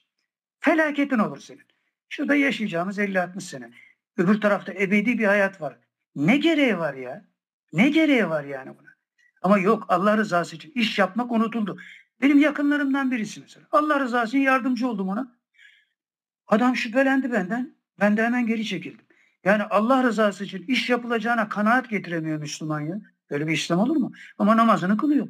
Hem de cemaatle yani beş vakit. Ya bir şeyler kayıt elimizden ya. Bunları tekrar toparlamamız lazım bizim. Onun için ben diyorum. Vallahi Cübbeli Ahmet Mahmut'a da acıyorum yani. Dün sohbetimde de söyledim. Hatta bana diyorlar ki işte bu, e, söylüyorum arkadaşlar işte tövbe-i nasuh ile tövbe etse onun pratiğinde yansımasını gösterse vallahi gider elini öperim billahi öperim. Benim onunla hiçbir husumetim yok. Ne alacağım var ne vereceğim var. Hakikat uğruna bir şeyler yapmak lazım. Fakat hakikati konuşamıyorsun ki yaptığın şeyler anlaşılsın. Onun için diyorum ki gelin konuşalım. İşte kitap yazıyoruz, makaleler yazıyoruz, sohbetler yapıyoruz. Bu anlaşılsın diye. Öbür taraftan benim elimde şu an itibariyle bile öyle imkan var ki ben iki senede multi milyarder olurum. Hem de meşru yoldan. Ama bir takım şeylerde fedakarlık yapmam lazım.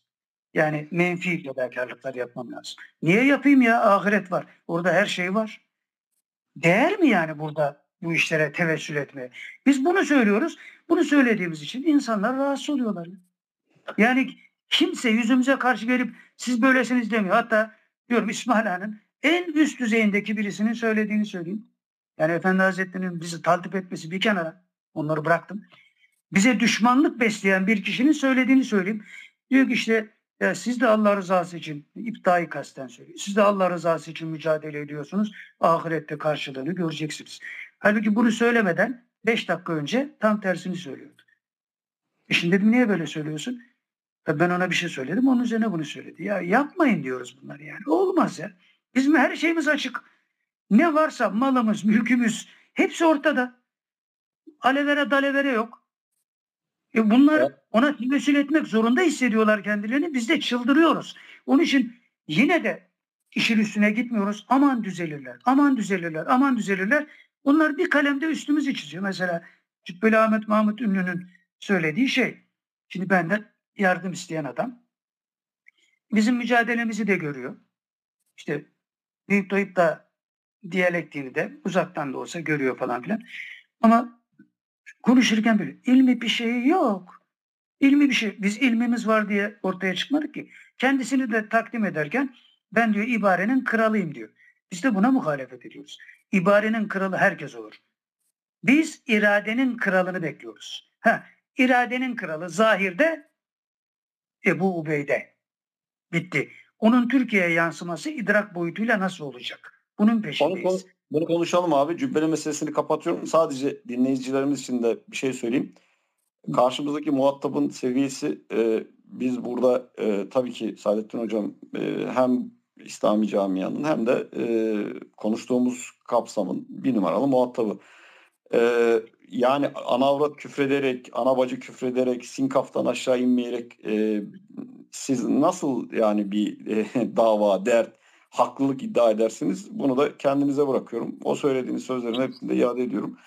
Ee, bu uslup olamaz. Yani böyle bir haklılık olamaz. Bu bahsi kapattım abi. Şimdi Hamas'a gelelim. Ee, bütün Türkiye'yi sallayan hakikaten o çıkış tam olarak neydi? Yani e, gerçi girişini yaptınız.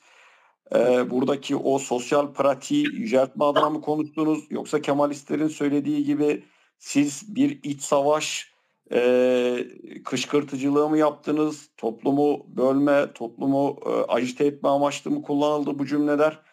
E, söyleyen birisi olarak tam olarak ne söylediniz, neyi kastettiniz üstadım? Şimdi bu ülkede yaşayan bir insan eğer bu ülkede iç savaş çıkartmak gibi bir niyete malikse ya ahmaktır ya da haindir. Birilerinin sultasında olan birisidir. Böyle bir şey aptallığın ötesinde bir şey değildir yani. İç savaş. Kime karşı iç savaş? İç savaş çıkararak nereye varacaksın? Yani bir yerin ajanısındır falan filan. Onu da devlet bilir zaten. Biz yıllardır ortalıkta olan birileriyiz yani. Böyle bir şeyi bize kimse isnat edemez. Dolayısıyla biz dedik ki bu memlekette sosyolojik realite o kadar çökmüş ki bir vesileyle bu sosyolojik realiteye müdahale edebilecek bir hamle lazım. Bu hamlenin ilk ışıkları Hamas'tan geldi. Dedi ki bunu değerlendirelim. Türkiye'de bunu idrak boyutuyla biz de başaralım. İdrak boyutuyla yani anlayış ifade eden bir hamle koyalım ortaya. Bunu yapalım. Şimdi Hamas'ın durumuna gelirsek mesela Hamas nasıl yaptı bunu? Şimdi enteresan insanlar bunlar. Allah'ın lütfu. Bunların yüzde sekseni yetim zaten. Yüzde sekseni hafız. Ve kendi liderlerinin ifadesiyle günde dokuz hurma yiyerek hayatlarını idame eden insanlar. Ölüme ayarlı insanlar yani. Dolayısıyla görüyoruz ki Efendimiz Aleyhisselatü Vesselam hiçbir savaşta ne sayı bakımından ne de silah bakımından üstün olmadan bütün savaşları kazanmıştır. Demek ki savaşta silah ve sayı bakımından eksik olmak Allah Resulü'nün de bir sünneti. İlla ki eksik olalım demiyoruz. Ama o bir sünnet yani fiili bir sünnet. Bunlar bu sünneti fiiliyata dökerek dünyanın en büyük ordularına, en büyük istihbarat örgütlerine muazzam bir tokat attılar. Şu anda dünya sistemi, dünya sistemine tabi olan kim varsa, ne kadar devlet varsa muazzam bir travma geçiriyor. Bu travmadan biz Müslümanlar adına ve mazlumlar adına, ister Hristiyan olsun ister Yahudi fark etmez. Mazlumlar adına istifade etmenin yolunu bulmamız lazım. Hayatımızda bu istikamette gittiği için bu büyük bir fırsattır diye idrak patlamasına sebep olabilecek bir konuşma yaptık. Mesele bundan ibaret. Ama sen bu memlekette sosyolojik realiteyi ele geçirmiş insanları hesaba katarak bunları yapacaksın tabii. Bu hücumları biz bekliyorduk nihayetinde. Bu memleket hala yani şimdi detaylara gireceğim çok ince şeyler çıkacak.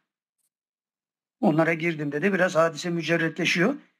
Müşahhas olarak anlaşılmıyor bazı şeyler. Şimdi diyorum ya doğru düşünce olmadan doğru düşünce faaliyeti olmaz. Şimdi sen hangi düşünceyle hangi faaliyete girişiyorsun? Önce bunu bir bilmen lazım. Biz biliyoruz diyoruz. Önümüze konulan eserlerle Büyük İptal diyalekti üzerinden doğru düşünceye malikiz. Yani bir vasıta sistem, bir tatbik fikri, bir İslam'a muhatap anlayışımız var bizim. Dolayısıyla yaptıklarımızı o fikre göre yapıyoruz. Bazen yanlış da yapabiliriz anlamadığımız için. Ama burada mücerret fikir istidadıyla bir iş yaptığında bu toplumun kapasitesi bunu anlamaya müsait değil. Onun için bir aptalı anlatır gibi anlatmaya kalkacaksın. O da her zaman mümkün olmuyor. Mücerret bir şey söylediğinde de ortalık ayağa kalkıyor. Bunu asın, bunu kesin. Ya biz zaten asılmaya, kesilmeye talip olduğumuz için bunları söylüyoruz. Yani. Neyi asıyorsun, neyi kesiyorsun? Az kes. Allah'ın muradı neyse o olmuş. Biz buna inanmışız. Ha bunu Hamas dünya çapında Yahudi'ye de Hristiyan'a da Müslümana da gösterdi. Gelin bunu değerlendirelim diyoruz. Ama değerlendirebilmek için doğru bir düşünceye malik olmak lazım. Orada tıkanıp kalıyoruz. Ondan sonra iş dedikodu boyutuna kalıyor. Hamas'ı değerlendirmek gibi bir problem bile kalmıyor ortalıkta. Bize ne ya Hamas'tan diyor adam. Bize ne Filistin'den. Yani Müslüman adam Kudüs'ü bile unutarak bu lafı söyleyebiliyor. Biz de burada aklımız yettiği kadar, becerebildiğimiz kadar bu işi topluma nasıl aplike edebilirizin heyecanı içindeyiz ve o heyecana uygun olarak da bir şey söyledik. Ama bu heyecan 20 yaşındaki çocuğun heyecanı değil. Ben 65 yaşındayım.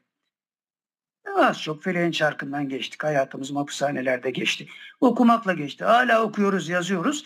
Bu şartlarda bir şey söylüyoruz. Müslümanlara da diyoruz ki bak bir şeyin hepsi söylenmez. Biz bu kadar söyleyelim. Gerisini siz anlayın. Çünkü idrakla alakalı, izanla alakalı. Şimdi bu idrak ve izan meselesi daha önce de hep anlatıyorum bunu. Bakara suresinin 164.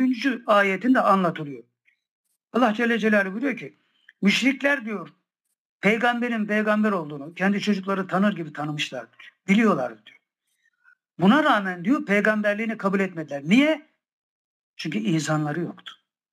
İzanları, anlayışları, idrakleri yoktu. Şimdi buna muadil olarak diyorum ki ya öyle bir şey oldu ki dünya titredi. Filistin'de dünya titredi. Bu idrak, bu izan, bu irfan, bu ihsan bizde olmadığı için mevzu boşa gidiyor. Yani bu şuna benziyor. Evinin önünden bir ırmak akıyor. Sen susuzluktan ölüyorsun. E ben mübarek adam ya. Yani niye bu hale düştün? Bak ırmak evinin önünde.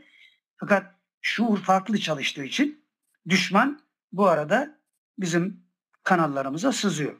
Bu yazar olarak sızıyor, siyasetçi olarak sızıyor, bürokrat olarak sızıyor. E bizde de zaten bir doğru düşünce yok Kur'an ve sünnete nispetle. Onun için işte en başta bir şey söylemiştim. Bir şarkı sözü. Konuşuyoruz ama nece konuşuyoruz. Doğru.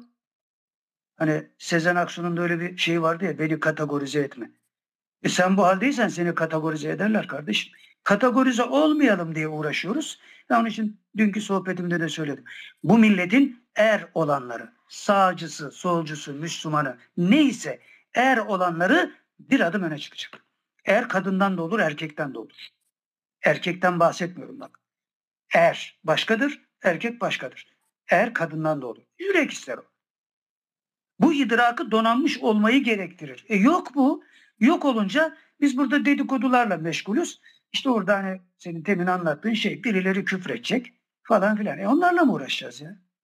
Onlarla mı uğraşacağız? Ha, onlarla uğraşacağız tabii ki ama sadece Allah rızasına muhatap. Yoksa tahammül edemezsin. Onun için Efendi Hazretleri'nin bir sözü var. Diyor ki eğer diyor ahiret olmasaydı bu yürek, bu kalp bu kadar sıkıntıya tahammül edemezdi. Ahiret var diye tahammül ediyoruz. Etmekte zorundayız. Bunun için Müslümanları severek iş yapmamız lazım. Zaman zaman tabii ki hata yaparız. Ayrı bir olay. Fakat açıktan yalancılık yapan insanlara bu milletin aldanmasına da gerçekten hayret ediyorum ya. Ya gelin sorun diyorum. Yani bir şey varsa bana sorun. Benle alakalı bir şey duymuşsun. Eğer sormadan hakkımda konuşuyorsan ya çiğ et diyorsun Allah Resulü'nün ifadesiyle. Kardeşinin etini yiyorsun. Gel sor bana. Öyle bir dertleri yok. Şimdi Hızır Hoca İsmail Han'ın şeydi. Bizi niye sevdi? Bayram Hoca İsmail Han'ın şeydi. Bizi niye sevdi? Metin Hoca İsmail Han'ın şeydi. Bizi niye sevdi? O da cezaevindeki arkadaşlarımıza sürekli şey gönderirdi. Para gönderirdi Metin Hoca. Kimse bilmez. Burada başka bir tezgah var. Ama buna sebep olanlardan birisi de tarikat ehlinin tasavvufu yavaş yavaş unutması. Onun için Efendi Hazretleri diyor ki parmak sallamak zikir çekmek değildir. Ve la ilahe illallah zikir değildir. La ilahe illallah diyerek la ilahe illallah'ın manasında yoğunlaşmaktır zikir. Ama şimdi ben günde 5 bin tane zikir çekiyorum diyor. 10 bin tane zikir çekiyorum. Bir bakıyorsun bu hadiselerde hiçbir şeye kafası basmıyor adamın. Ya zikir insana letaiflerini nurlandırır. Kalbi, ruhu, sırrı, hafisi, ihbası, nefsin atıkası, ana asırı erbası bunlar nurlanır ve Allah Resulü'nün hadis-i şerifine muhatap olursun. Müminin ferasetinden korkunu Allah'ın nuruyla bakar. Adamın gözünün önündeki hadiseyi görmüyor. E sen nasıl ehli tasavvufsun ya? Bir gariplik var yani. Onun için bu bakta da mesela bize gelen müjdeler çok farklı. Yani onları da diyorum şimdilik kaydıyla. Peki Ama- abi şunu şunu açar mısın? Yani daha doğrusu bitiriyoruz aslında çünkü arkadaşlar soru da almak istiyor izin verirseniz. Tamam. Ee, yani niye sizin sözünüz e, iç savaş, belirli bir kitleyi işte bir katliam çağrısı e, olarak anlaşıldı? Kim anladı ya da niye böyle anladı? E, e, buna bağlantılı olarak da hukuki olarak Kerame Hocam konuşuyordu. Keşke burada olsaydı şimdi e, daha iyi olurdu. Tam yeriydi. E, hukuki olarak herhalde bir reisen soruşturma başlatılmış ama e, ne olur abi? Gerçi zaten şey bağlam belli ama herhangi bir- ben savcıya söyleyeceğim şey şu. Benim böyle bir şey söylemediğim konuşmanın bütününde zaten var. Ne asker kelimesi geçiyor, ne polis kelimesi, ne kalkışma kelimesi. İdrak boyutunda, idrak boyutunda bir hamleden bahsediyoruz. İdrak boyutunda, irfan boyutunda, yani fikir boyutunda. Yoksa öbür türlü Hamas orada onu yaptı, fiilen yaptı. Biz de burada fiilen yapacağız. Fiilen kelimesi bile geçmiyor. İdrak boyutunda diyorum. Biz bu topraklarda bunu yapmamız lazım. Çünkü idraklerimiz iyiliş edilmiş vaziyette. İyiliş edilmiş idraklerle hiçbir şey yapamayız. Müslümanlar kendi aralarında bu yüzden anlaşamıyorlar zaten. Yani herkes bir şey söylüyor. Kimin ne dediği belli değil. Kardeşim gel usulüne uygun bir şey konuşalım. Diyorum ya doğru düşünce olacak ki doğru düşünce faaliyeti olsun. Sen ne diyorsun söyleyeceksin bana. Ondan sonra ben söyleyeceğim. Bir yerde birleşeceğiz. Fakat bunun altyapısı olmadığı için hadiseyi dedikodu boyutunda taşıyoruz. Ondan sonra birisi de yani işte Cübbeli Ahmet Mahmut bizim bu dik duruş hadiselerimizden hoşlanmadığı için bir fırsat geçirdi beni. Çünkü biz mahkemede davalarımız devam ediyor. Eskiden davalarımız var. Adam her fırsatı değerlendiriyor. Bir de şöyle bir şey var. Cübbeli Ahmet Mahmut bize karşı her fırsatı değerlendirmek mecburiyetindedir. Bu kadarını söyleyeyim. Mecburiyetindedir. Zaman gelecek. Bunların hepsi açığa çıkacak. Dolayısıyla ben Türkiye'de iç savaş çıkaralım. Onu da her zaman söylüyorum zaten. Böyle bir şey düşünenin Allah belasını versin. Eğer böyle düşünmüyorsan da bunda ısrar edenler varsa onların da belasını versin. Yani biz bugüne kadar yapıp ettiklerimizle kimliğimizi ortaya koyduk. Hiçbir şeyi gizlemedik. Şimdi mi gizleyeceğim yani ben 65 yaşına geldikten sonra? Böyle saçma bir şey yapar mıyım ben? Söylüyorum. Öbür türlüsü olsa onu da söylerdim. Onu da söylerdim. Yani Hamas'ın orada yaptığını burada yapacağız biz. Tüneller kazalım falan. Ne tüneli kazıyorsun? Nereye kazıyorsun yani? Öyle bir niyetin olsa bugün bir asır sonra ancak gerçekleştirebilirsin. Çünkü sosyolojik realite bunu gerektiriyor. Ben manyak mıyım ya? Aptal olmam lazım yani böyle bir şey düşünebilmek için. Bu kadarını bile anlamıyorlar ama anladıkları bir şeyler var onları da gizliyorlar. Anladıkları da var onları da gizliyorlar. Bak şimdi Efendi Hazretleri o kadar kalabalığın içinde hatta özel insanların bulunduğu mekanda bana ve biraderime söylediği şey o adamı muhatap alarak karşısındaki ihvandan birisi muhatap alarak bizi gösteriyor. Diyor ki bunlar benim diyor kumandanlarımdır. Bunlar benim baş adamlarımdır. Bunu duyan adam bizim aleyhimize dünya kadar iş yapıyor. E Cübbeli'nin kendisi söyledi diyorum. Ben şahidim diyor Efendi Hazretleri sizin aleyhinize tek kelime konuşmadı. E sen niye konuşuyorsun? Şeyhinin birinin hakkında kötü bir zannı yok. Sana ne oluyor ya? Ha, şöyle bir şey oluyor. Şimdi burada mesela bir mesele anlatayım. Hadiseler nerelerde diyorum. Bir adam vardı. Öldü. Allah rahmet eylesin diyemiyorum. Bak toprağı bol olsun. Şalvarlı cübbeli birisi. Bu adam 12 Eylül döneminde Efendi Hazretleri'ni şeye götürüyorlar. karşıda kışla var ya Üsküdar'da. Selimiye Selimiye. kışla. Selimiye. Selimiye kışlasına sorgulamak üzere Efendi Hazretleri'ni götürüyorlar. Sorgulayan subay diyor ki siz diyor bir tören yapıyor musunuz? Hatmi Şerifi yani her gün sabah akşam hatme yapılır. Zikir çekilir falan. Bir tören yapıyor musunuz? Orada diyor dudak dudağa öpüşüyor musunuz? Efendi Hazretleri şaşırıyor. Ya diyor öyle bir şey olur mu tarikatta Allah muhafaza falan filan. Böyle konuşma olurken perdenin arkasından birisi çıkıyor. Şalvarıyla, cübbesiyle, sarıyla. Diyor ki öyle yapmıyor muyuz diyor. Öyle yapmıyor muyuz? Efendi Hazretleri'nin dizinin dibinde her gün oturan adam. Sabah akşam orada olan adam. Öyle yapmıyor muyuz diyor. Şimdi oradaki mevzu şu tabii. Subaylar bu meseleleri bilmedikleri için öyle soruyorlar. Teveccüh vardır. Yeni ders alan bir müride teveccüh yapılır. Yani mürşidi kamil elini tutar, alnını da alnına yapıştırır, teveccüh eder. Bu tarikatta, tasavvufta, bütün klasik eserlerde anlatılan, Kur'an ve sünnet kaynaklı anlatılan aynı zamanda falan filan. Onlar ayrı tartışma mevzuları diyelim. Bunu böyle düşünerek işte siz dudak dudağa öpüşüyor musunuz? Öyle şey olmaz deyince adam oradan çıkıyor. Efendi Hazretleri şaşırıyor tabii. Sonra bırakıyorlar ortada bir şey yok. Sonra o adam artık camiye gelmiyor tabii. Böyle bir suç işlemiş. Şalvarlı cübbeli diyorum bak. Sarığını hiç çıkarmayan bir adam.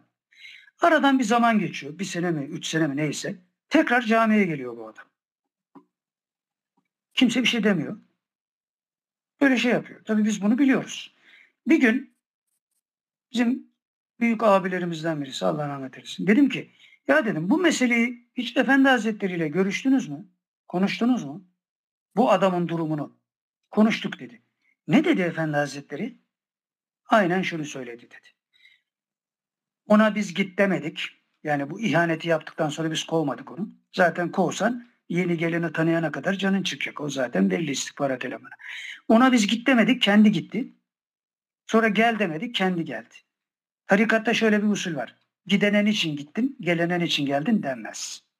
Böyle kovmak movmak yok adam. Camiye gelecek gidecek. Fakat sonuna kadar, sonuna kadar bu adam camide kaldı. Öldü gitti. Bu adamı burada birileri, ismi geçen şahıslar veli ilan ettiler. Evliya ilan ettiler. İşin vahametini anlatabiliyor muyum? Böyle Abi bir genel olarak- hadisenin içindeyiz. Genel olarak e, yani ben kendi adıma e, benimle alakalı kısım veya işte benim kafamdaki kısmı tamamladık. E, toparlayacak olursak e, siz tasavvufun e, ya da sizin tabi olduğunuz özellikle işte çarşamba e, cemaatinin Mahmut e, amcanız olan amcazadeniz olan Mahmut e, Usta Osmanoğlu Hoca Efendi'nin tabiyeti e, sizin cemaatle olan ilişkiniz e, ki onu çok net anlattınız ve bu ilişki boyutunda herhangi bir cemaati temsil eden misyonunuzun olmadığını sadece e, orada tövbenizi aldığınızı, dersinizi yaptığınızı e, fikren, kalben e, cemaatin içerisinde olduğunuzu ancak herhangi bir yönetici vasfınızın e, ya da orayı temsil eden bir vasfınızın olmadığını bir kere daha söylediniz. E, Evet. Müslümanların eylem, e, düşünce e, ikilemini ya da eylem düşünce e, oryantasyonunu tarih e, süzgecinde Cumhuriyet dönemi ve daha sonrasındaki olması gereken şeklini, sizin anladığınız şeklini özetlediniz. E, cübbeli meselesinde e, yani bu bütün bu süreç içerisindeki çok e, yaşadıklarınızı işte cübbelinin hem mahkeme boyutunda hem de mahkeme dışı e, tavırlarını, reflekslerini, cübbelinin cemaatle olan ilişkisini, hedefini, gayesini çok net bir şekilde anlattınız. E, bunların detayına tekrar girmeyeceğim. Hamas meselesindeki e, hadisenin e, bir patlama olduğunu ve bu patlamanın altında bütün ümmette, bütün e, ümmet coğrafyasında olması gereken bir patlama oldu. Çünkü bir idrak e, zirvesi olduğunu söylüyorsunuz e, ve kaçınılmaz olduğunu da söylüyorsunuz. Bütün hatta zaruret olduğunu söylüyorsunuz. Ama düşünce planında e, herhangi bir savaş kışkırtıcılığı, bir eylem ya da herhangi bir toplumun bir kitlesine karşı e, saldırı çağrısı, ayaklama çağrısı, hesaplaşma çağrısı olmadığını özellikle e, üzerine basarak söylediniz. E, genel olarak bir toparlama yapacak olursak benim anladığım ya da işte dinlediklerimizden çıkarttığım bu. E, Akman Akman hocamla e, Ali kardeşim şimdi size yani çok ısrarlı sorular var abi. Bana çok fazla ısrar ediliyor. E, bazı da provokatif olabilir. E, yani herhangi bir küfür falan amaçlı gelen de olabilir. Ben e, yani mikrofonu bırakırken uyarayım. Çünkü Arkadaşları biliyoruz. çok yani. çok fazla çok fazla e, soru var. Çok fazla yazan Yok yok. izleyen var. Bilmediğimiz Benim- insan. E, dikkat edelim hani Saadettin abi biz misafirimiz Yok. e, böyle bir provokatörün moralini bozmasına izin vermeyelim. Buyurun e, şimdi e, Saadettin abi herhalde birkaç soru alır. 3-5 tane soru alalım. Ondan sonra da e, bize bir saat demişti ama. ilk ben bir ediyorum abi. Dilinize, gönlünüze sağlık. Allah razı olsun bizi kırmadığınız için. E, şimdi birkaç soruyu alalım, bitirelim. Tamam. Ee, Saadettin hocam, e, Saadettin hocam ben şurada şöyle bir soru soracağım. İdrak yollarımız kapalı bu milletin. Siz de çok harika bir çıkış yaptınız. Şimdi ben şöyle bir örnek vereceğim yani. Yıllarca ben de ehli tarih bir insanım. Tarikat ehli bir insanım. E, intisap ettiğim tarikat e, yöneticilerine, şeyhlerimize ben şu e, pandemi meselesinde çok ısrar ettim. Soru sordum yani ne yapalım? Yani, bu süreçte ne yapalım? Aşı olalım mı olmayalım? Artık Benim fikrim netti. Ben olmama taraftarıydım. Ama net bir cevap alamadım. Mesela İsmail Ağa cemaatine de çok güvenirim. Ben Mahmut Usta Osmanoğlu'na çok aşırı derecede muhabbetim vardı rahmetullahi aleyh. Oradan da taraştım, araştırdım, taradım. Net bir cevap alamadım. Normal şartlarda tarikat kurumları bu milletin idrakini açmak üzere kurulmuş kurumlar değil midirdi? Nasıl olabiliyor da ehli sünnet cemaatlerinin içinde bile bu kadar basit şeylerde bile bir tavır takınılamıyor? İdrak yollarımızın kapanmasında milli eğitimin yanında tarikatlarımızın da bir kusuru var mı? Şey hocam. Tabii. Şimdi onu anlatayım. Bir misalle anlatayım. Bugünkü şartlarda tarikatın muhtevasine önce bunu bilmemiz lazım. Muhtevasına dair bir bilgi sahibi değilsek bugünkü sosyolojik realite içinde tarikatlar ne ifade ediyor bunu anlayamayız. Şimdi Efendi Hazretlerinden bir misalle anlatayım bunu. Kimseyi suçlamak için söylemiyorum. Efendi Hazretleri'nin Kadir Mısırlıoğlu'na söylediği bir şeyi anlatıyorum şimdi. Kadir Mısırlıoğlu rahmetli Efendi Hazretleri'ni ziyarete gelirdi.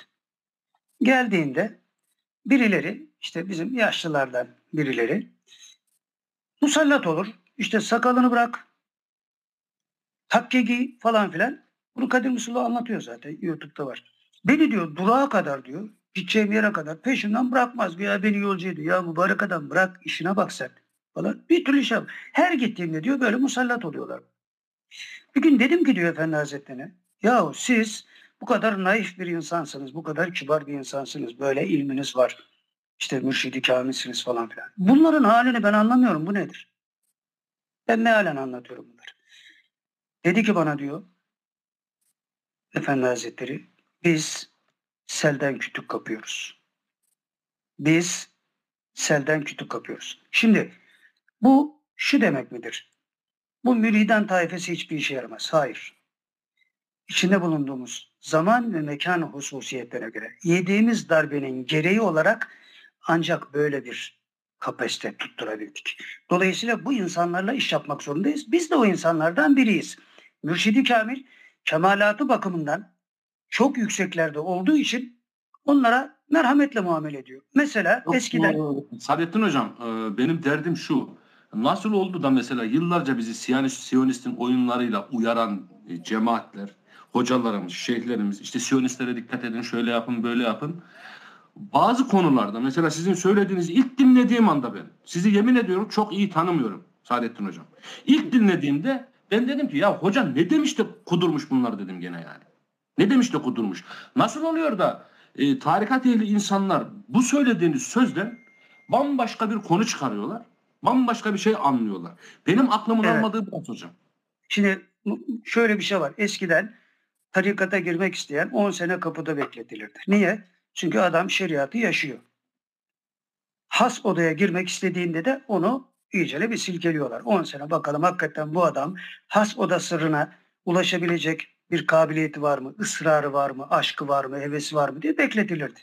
10 sene beklerdi insanlar tarikata girmek için. Şimdi ise zaman ve mekan şartları o kadar çürüdü ki insanları tarikata kabul etme sebebi şeyhlerin, gerçek şeyhlerin kabul etme sebebi ya bu adamı tarikata kabul edelim hiç olmazsa namazlarını kaçırmaz. Eskiden öyle bir şey yoktu. Onun için 10 sene kapıda beklerdi adam.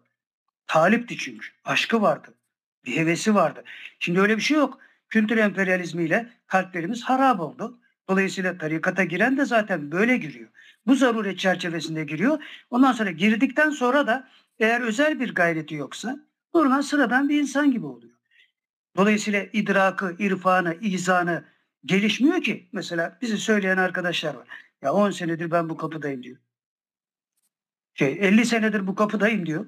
Ya kalbimde tık yok diyor. Ben de böyle arkadaşlara diyorum ki samimi arkadaşlar tabii. Hani kalbimde bir hareketlenme olması lazım. Bu kadar zikir çekiyoruz günde 5 bin tane 10 bin tane falan. Ben de onlara diyorum ki bak zaman ve mekan şartları o kadar berbat ki. Kalbinde bir tık olmamasına rağmen hala sen bu kapılarda durabiliyorsan bu da bir lütuftur devam et. Onun için herkesi kabul ettiklerinden dolayı orada bir keyfiyet bizim anladığımız idrak boyutuyla bir keyfiyet aramamamız lazım. Bir perişanlık yaşıyoruz çünkü. Kalplerimiz ve kafalarımız darmadağın olmuş. Bu darmadağın olan insanlar aidiyet duygusuyla bir yere yöneliyorlar. Bu parti olabiliyor, bir futbol takımı olabiliyor, bir tarikat olabiliyor. Aidiyet duygusu hissediyor adam. Bir yere kendini eklemlemesi lazım. Çünkü hayat boşluk tanımaz. O da oraya geliyor. Orada bir müddet sonra bazı şeyleri işte bağışıklık kazanıyor falan filan. Aa normalmiş, o da normalmiş, bu da normalmiş. Bir sürü hata yapıyor. Karşı tarafta zaten fırsat kolluyor. E, o idrak boyutuyla zaten hiçbir şey sergileyemiyorlar. Ama gene de şükür diyoruz. Adam beş vakit namazını kılıyor veya teheccüde kalkıyor. Diye şükretmek zorunda kalıyoruz yani. Hani bizden yani hepimizi kastederek söylüyorum. Bizden çok fazla bir şey beklenmemesi lazım. Çünkü zaman ve mekan hususiyetleri buna müsait değil. Ama Hamas bir hadise gerçekleştiğinde aman diyoruz bir fırsat yakaladık. Aynısını idrak boyutuyla Türkiye'de yapabilir miyiz? Bir şuur patlamasına, bir idrak patlamasına sebep olabilir miyiz diye çırpınıyoruz. E böyle çırpınırken de bu insanlar başka bir dünyanın insanları gibi davranıp işte demin siz söylüyorsunuz yani ben sizi tanımıyorum ama hemen anladım diyor. E bu niye anlamıyor? Bizim yanımızdaki adam. Niye anlamıyor? İşte Efendi Hazretleri'nin Kadir Mısırlıoğlu'na söylediği şey. Biz selden kütük kapıyoruz. Yani bu zamanın insanı bu kadar anlıyor. Bu kadar. Ötesi yok. Eyvallah. Hiç- Eyvallah. Eyvallah Saadettin Hocam. O zaman şöyle yapalım. Ee, hızlıca sorular alalım. Hocamız biraz rahatsız. Ee, uğurlayacağız hocamızı. Ee, İbrahim abi ilk seni gördüm ben el kaldıran. Senden başlayalım. Oradan Muhammed abi. Devam edelim. İbrahim abi. İbrahim e, bir az.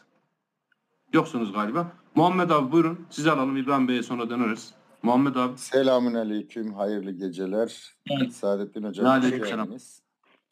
Ee, Hoş bulduk, Ben aslında biraz sizi takip eden biriyim. Yaklaşık e, 2007'den 2016'ya kadar İddef'in yanında, e, Çarşamba'da İddef'in yanında telefon mağazası olan biriyim. E, Malatya Battalgazi ilçesinde e, yaklaşık olarak 80-100 kişilik bir Kur'an kursunu e, Abdülmetin Hoca, rahmetli Abdülmetin Hoca'nın da vasıtasıyla e, İsmail Ağa'ya vakfetmiş biriyim. Şu anda hala aktif faal olarak çalışır durumda. Konuşmanızın bir bütününü dinlemeden önce de ben maksadınızın şu söyle sözleriniz olduğunu tahmin etmiştim. Çünkü e, ben işte böyle ahir zamanda kafirin okunun e, takip eder orada saf alanlardanım. E, Ahmet Ünlü ile ilgili söylediğiniz şeyleri e, Saadettin Hocam, Ali Aydar Muradoğlu'nu, e, Bayram Ali Öztürk'ün oğlu Mahmut Öztürk'ü, Abdülmetin Hoca'nın oğlunu e, ve diğer birçok e, cemaatinizin yetkililerini tanıyan, yakinen tanıyan biri olarak ve özellikle bir isim söyleyeceğim. Bu ismin kim olduğunu siz biliyorsunuz. Odada bilenleri bilmem. Beni takip etmenizi ve oradan DM'den sizinle bir görüşme yapmak istediğimi iletmek isterim. Ee, Barış Sezek'i çok iyi tanırım. Bana birçok itirafı Hı. vardır. Barış Sezek'in kim olduğunu biliyorsunuz. Biliyorum. Hı. Hı. Çok iyi e, tanırım ve bana birçok e, itirafları olmuştur. E, bu Ahmet Ünlü dosyasıyla ilgili bildiğinizden çok daha fazlasıdır emin olun. E, rahmetli Abdülmetin Hoca'nın ölümünden önce onunla ilgili YouTube'da ses kayıtları vardır kendisinin. E, ben Cübbeli Hoca falan demiyorum kendisine. Bildiğim için demiyorum. E, burada e, gün gerçekten e, Müslümanların pirincin içindeki ak taşı ayıklama günüdür. E, ben bu konuda Evet. sizin yanınızdayım. Destekliyorum sizi. Eski bir 28 Şubat mağduru bir gazeteci olarak, bir kardeşiniz olarak. E, ben Abdullah Evet, Hoca'yı çok iyi tanırım. Ahmet Hoca'yı çok iyi tanırım. Mahmut Şevket Hoca'yı çok iyi tanırım. Çok iyi tanırım bunları. Yakinen tanırım. E, Mahmut Şevket benim abimdir biliyorsunuz. Evet evet evet bilirim. Mahmut Şevket Hoca da beni tanır. Ee, İs- e, İsmet Usta Osmanoğlu'nu tanırım. İyi tanırım yani. Orada ben 12 yıl mağaza işlettim. Pardon. İsmim Muhammed, ismim Muhammed Arkın. Muhammed Arkın. Evet, ben Tamam. İsmail Ağa'da hemen İsmail Ağa'nın altında İddef'in yanında e, Arkın 2 iletişim mağazam vardı. Bir 10-12 yıl kaldım orada. Çok iyi bilirim. Çok yakinen bilirim orayı. E, ve yapısını da bilirim. Çok da eleştirdim. Bu konularla ilgili Hızır Hoca'nın oğlu Ali Haydar'la biz çok konuştuk. Çok çok konuştuk. E, rahmetli Evet. Abdülmetin Hoca'yla hem Nişancı Cami sohbet çıkışlarında çok konuştuk. Hem de benim mağazamda, ofisimde de çok konuştuk. Çok iyi bildiğim bir yapıdır. Ee, ben e, sizi sonuna kadar destekliyorum Saadettin Muhammed abi. Efendim abi. Muhammed abi. Efendim abi. Muhammed abi şöyle yapsak. E, Saadettin hocam e, yoruldu. Biraz da rahatsız. E, ma- maksadın hasıl oldu. Ben Değmedi. de Ali abi, Ali hocam ben sadece özelden konuşsak. ben Ali hocam Sorumuzu şunu- sorsak. Hocamı çok tutmasak öksürüyor bak farkındaysan. Evet. Ali, e, ben sadece desteklerimi sunmak için kendisine e, söz istedim. Çok teşekkür ediyorum. Eyvallah. Hayırlı bir şey yapıyorsunuz. Dediğim gibi gün pirincin içindeki beyaz taşın ayıklanması günü. Dişi kıracak olan odur. Evet. Allah razı olsun Ben sizden. teşekkür ederim. Cümlemizden ben teşekkür ederim. Bu söylediklerin üzerine bir cümle söyleyeyim. Barış'tan bahsettiniz ya. Bir şey söyleyeyim o mevzuyu kapatalım. İsimlerini zikrettiniz birisi. Yani teminden beri isimler zikrettiniz. Onlardan birisine Barış diyor ki demiş ki ona niye konuşmuyorsun? Sen her şeyi biliyorsun. Niye konuşmuyorsun? Demiş ki ben bugün konuşsam beni yarın öldürürler. Bugün konuşsam yarın beni öldürürler korkusu. Mislini bana söyledi Saadettin Hocam. Mislini bana Evet. söyledi.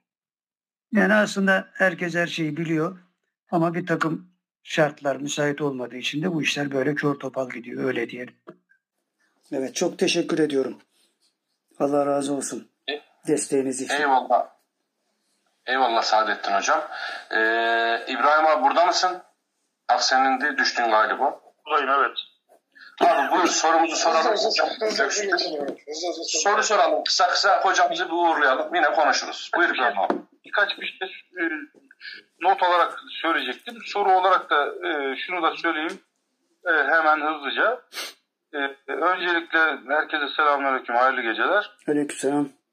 E, ikinci e, İsmaila'dan bahsederken e, Yılmaz Bey için söylüyorum. Çarşamba cemaati şeklinde bir tanımlama kullanıyor. Bence İsmaila'dan bahsederken İsmaila cemaati diyelim. E, çarşamba cemaati tanımlamasını kullanmasak daha hoş olur. E, şimdi Saadettin hocamın e, basına yansıdığı kadarıyla Saadettin abinin basına yansıdığı kadarıyla ben konuşmasını dinledim. Zaten tweet de attım.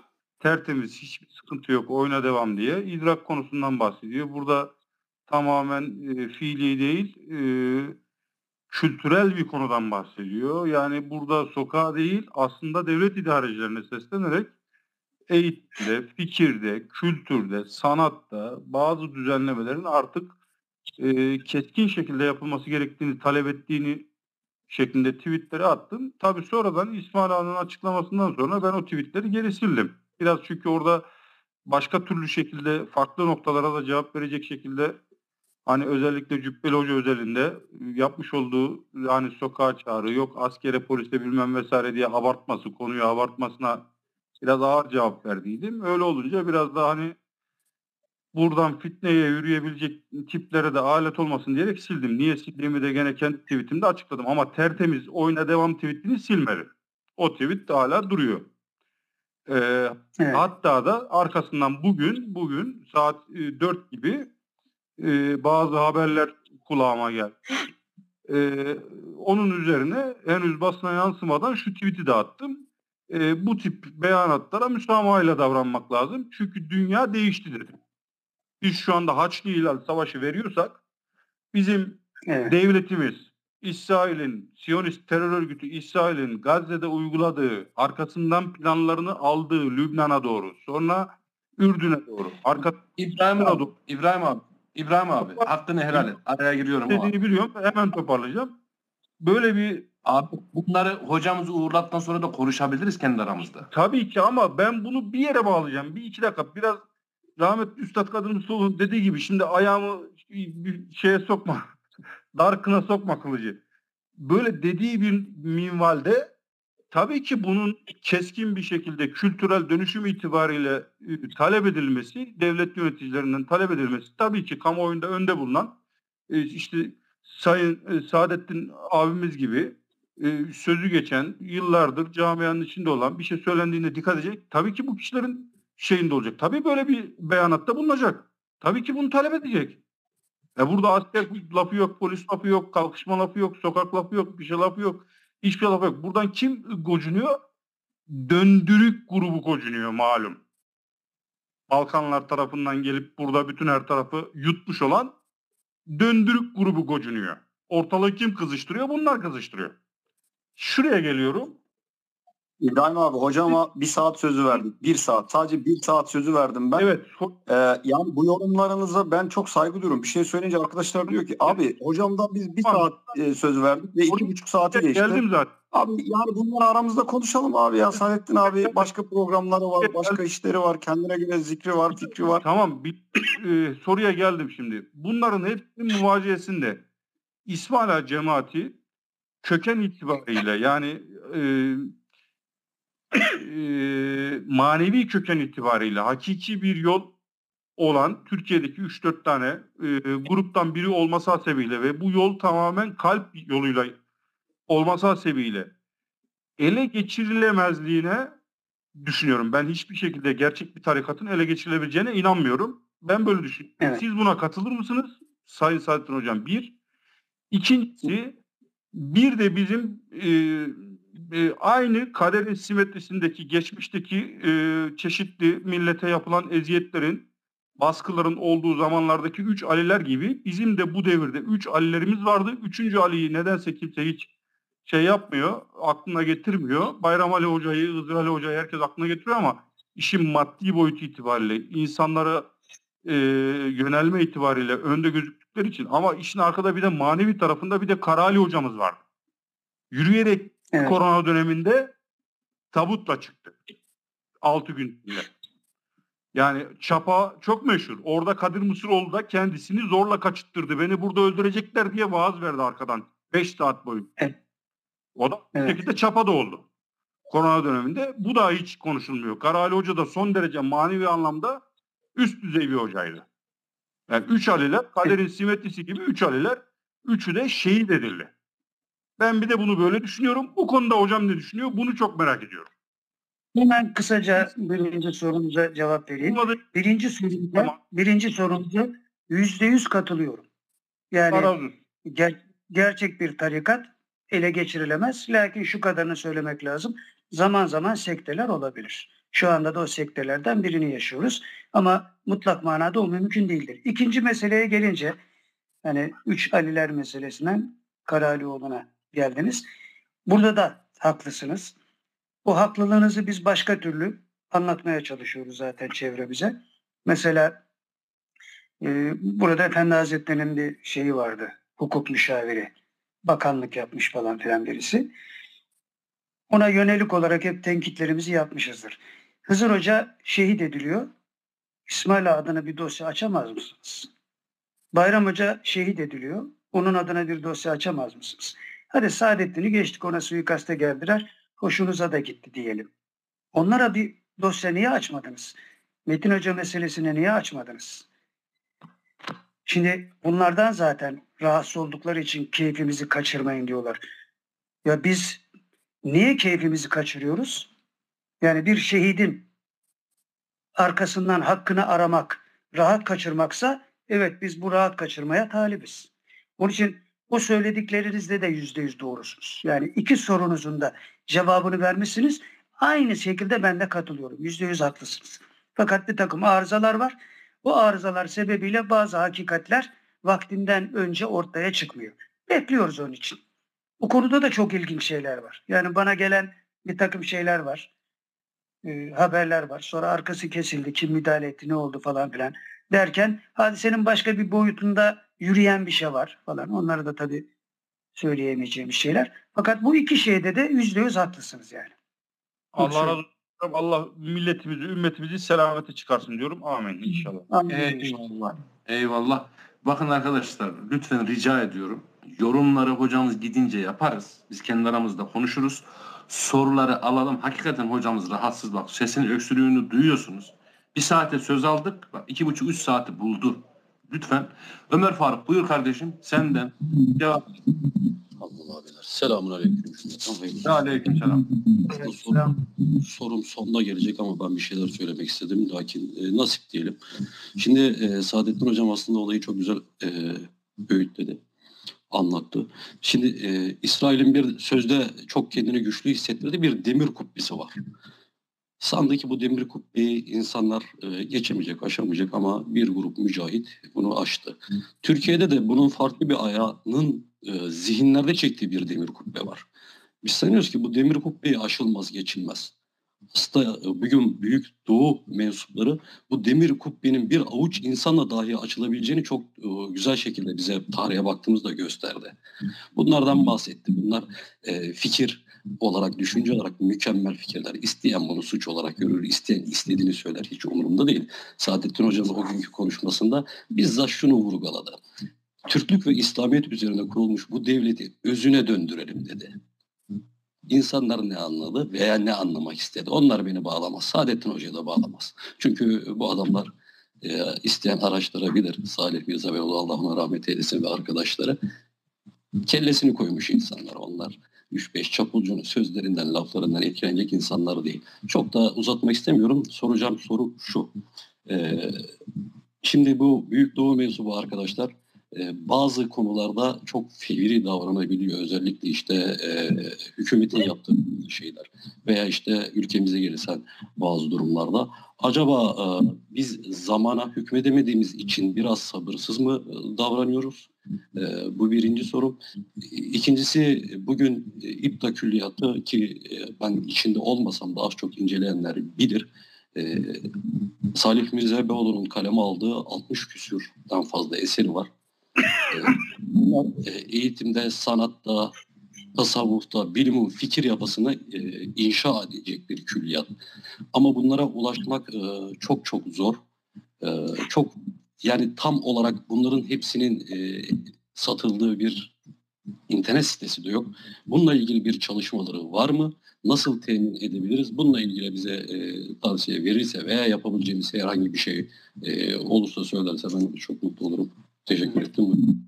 Ben teşekkür ederim. Şimdi şöyle söyleyeyim. Ee, şeyde Salim Mirza Beyoğlu'nun kitaplarının satıldığı Fatih'te iki tane yer var. Bir tanesi Gölge Yayın Evi ki kitaplarını da orası basıyor Salim Mirza Beyoğlu'nun. Hemen Fatih Camisi'nin arkasındaki e, benzin istasyonunun yanındaki otelin altında. Gölge yayınları. Orada o kitaplar satılıyor. Bazen tabii basınlarda aksamalar oluyor falan filan ayrı bir olay. Bir de bize ait Kökler kitabı var. O da Hırkayı Şerif Camisi'nin hemen dibinde, kapısının karşısında yani. Orada da Salim Mirza Bey'e ait eserler satılıyor. Şimdi bu hadisenin zahir boyutunda konuşulduğu bölüm diyelim. Şimdi öbür tarafa geçtiğimizde daha önce de anlatmaya çalıştığım bir vesileyle Salim Mirza Beyoğlu kendi eserlerinde diyor ki benim kitaplarım ledünni istikamette yazılmıştır. Şimdi bunun zorluğunu biz de çekiyoruz. Ledünni istikamet deyince Allah vergisi bir ilimden bahsediyoruz. Dolayısıyla zaman üstü mana ifade eden bir hakikatle karşılaşıyoruz. Dolayısıyla hadislerin ve ayetlerin manasını anlayabilmek için ledünni olarak ortaya konulmuş bu eserlerin ledünni istikamette idrak edilmesi gerekiyor, anlaşılması gerekiyor. Şimdi bu, bu kadar gürültünün kopmasının sebebi de biz bu zaviyeden hadiseyi ortaya koyalım çabasına girdik. Fakat böyle bir altyapı olmadığı için bir de art niyetler olduğu için iş gitti işte Türkiye'de iç savaşa bilmem neye falan filan. Şimdi ben şunu rahatlıkla söyleyebiliyorum. Burada İsmaila'daki hocalara söylediğim şeydir bu. Diyorum ki ne kadar ilminiz varsa şu anda, ne kadar ilminiz varsa şayet Salim Mirza Beyoğlu'nun kitaplarını okur ve anlarsanız şu andaki ilminiz yüze katlanır garanti veriyorum. Yaşadığım şeylerden biliyorum çünkü. Yüze katlanır diyorum anında. Ve bazı arkadaşlar var mesela böyle şeylere teşebbüs etmişler. Tam idrak edememiş olsalar bile, tam idrak edememiş olsalar bile bu hissiyatlarını itiraf ettiler. Mesela bir hoca vardı bizim İsmaila'dan. Bir gün devlet bürokrasisinden birileriyle konuşuyor. Konuşurken söz dönmüş dolaşmış bana gelmiş. Bu arkadaş benden bahsedince onlar demiş ki ya onu bize filanca anlatıyor. Bu senin anlattığın gibi birisi değil yani. iyi bir adam değil Saadettin. Bu hoca da bizim arkadaş hoca bana anlatan bunu fıkıh usulü de okumuş bir adam yani hafız. Hoca yani. Ben de dedim ki onlara diyor. Bakın şu anda ben Saadettin Usta Osmanoğlu'nun yanından geliyorum. Ben fıkıhçıyım. Fıkıh usulü de okudum. İlmim de var siz de biliyorsunuz bunu. Onlara da hocalık yapıyor üstelik yani. Ben diyor bazı şeyleri diyor Saadettin'e sorup öğreniyorum. Size anlatırken ondan naklediyorum diyor. Bunlar tabii durmuş ya hani o alim malim falan filan. Bu işin alimlikle falan alakası yok diyor. Ben alimim diyor ondan öğreniyorum. Daha yeni diyor bir meseleyi yeni konuştuk yanından geliyorum diyor. Siz nerede yaşıyorsunuz diyor. Böyle neler oluyor? Tabii bu benim işte şöyle üstün olduğum üstün olduğum falan filan. Onlara teşebbüs edecek acizliklere düşmemesi lazım bir Müslümanın. Ahiret var diyoruz. Hakikatleri idrak etmek için. Bir gün Efendi Hazretleri mesela öyle diyor. Kendisiyle alakalı bir şey söylüyor. Kendisini över gibi bir şey. Ama diyor bak bu haktır diyor. Müslüman yalan söylemez. Yani ben bunu söylemek mecburiyetinde olduğum için. Yani size bir meseleyi anlatabilmek için bunu böyle söylüyorum. Halbuki insanlar ne sanlar? Ha, şimdi de kendini methetmeye başladı. Ya sen bana aferin dediğinde ben ne kazanacağım ki? Hatta kaybedeceğim. Beni alkışlayacaksın. Nefsimin hoşuna gidecek. Ayağım kayacak belki. Onun için Abdülhakim Arvasi Hazretleri e, Seyyid Abdülhakim Arvasi Hazretleri Nakşibendi büyüklerinden birisi diyor ki üstadım da Necip Fazıl'ın da şeyhidir. Diyor ki ilim insanın cehaletini giderir ama ahmaklığını gidermez. Ahmaklığın gitmesi için hadisenin irfan boyutuna yönelmek lazım, idrak boyutuna yönelmek lazım, ihsan boyutuna yönelmek lazım. Orada bir takım hakikatleri gördüğünde dünya tamahı zaten yavaş yavaş kayboluyor. Öbür türlü alkışlara aldanır yani insanlar. Aldanıyoruz da. Şimdi böyle bir şey var. Onun için Salim Mirza Beyoğlu'nun kitapları bile sıradan kitaplar değil. Ben 40 senedir bu işin içindeyim. Hala her okuyuşumda yeni bir şeylerle karşılaşıyorum. Şimdi biyografisini yazdım zaten. Yani yaşadıklarımızı ama birinci biyografiyi bitirdik. Bununla işte şöyle oldu, böyle oldu falan filan. Şimdi ikinci biyografisine teşebbüs ettik arkadaşlarla. Böyle kayıt alarak yapıyoruz. Ama çok zor bir biyografi. Hatta bir öğretim görevlisi arkadaşa söylediğimde diyor böyle bir çalışma dedi dünyada var mı örneği? Yok dedim. İlk defa biz yapmaya çalışıyoruz. Başarabilirsek. Başarıp başaramayacağımızı da bilmiyoruz. Nasıl bir çalışma? Salim Mirza Beyoğlu'nun biyografisini kendi fikirlerinden, hiç biz bir şey katmadan, kendi eserlerinden yola çıkarak bir biyografi yazmak. Normal biyografisini yazdım zaten, o basılacak. Bir de böyle bir biyografi. Bu nelere sebep olur bilmiyorum. Bizim niyetimiz halis. Ama diyorum Salim Mirza eserlerini biraz anlayan insan, ben kendimden biliyorum. Mesela şunu iddia ediyorum. Bana deseler ki, bu benim kabiliyetim değil. Büyük iddia diyalektiğinin tesiri. Bunun için söylüyorum. Bana deseler ki yarın yarın filan yerde bir konferans vereceksin. Yarın vereceksin. Bir gün var yani. Bir günde nasıl hazırlayacak? Hiç ilgim olmayan bir alan olsun. Hukuk diyelim. Hukuktan hiç anlamam.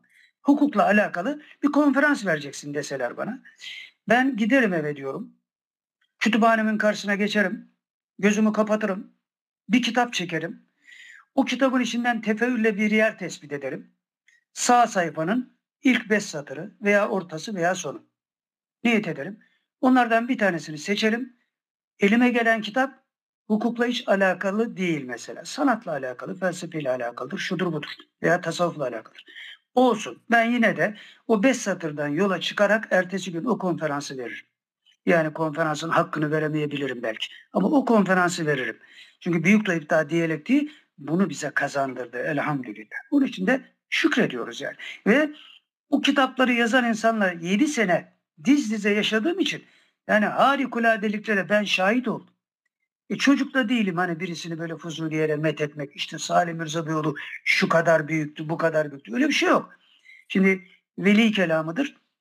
Bir velinin dizinin dibinde 40 sene durursun, hiç tanıyamazsın. Birisi de Fizan'dadır, hiç görmemiştir onu senden iyi tanır. Bu idrakla alakalı. Onun için Hamas hadisesi üzerinde böyle bir idrak patlamasına sebep olabilelim diye bu hakikatleri anlatmaya çalışıyoruz. Kim ne kadar anlarsa ha orada da bizim şeyimiz şu hiç telaş etmiyoruz. Çünkü orada telaş etmemek de Efendimiz Aleyhisselatü Vesselam'ın sünnetine denk geliyor. Amcası Ebu Talib'i Müslüman edemediği için Allah Resulü üzüldü. Fakat ayet geldi. Ey Habibim sana anlatmak düşer.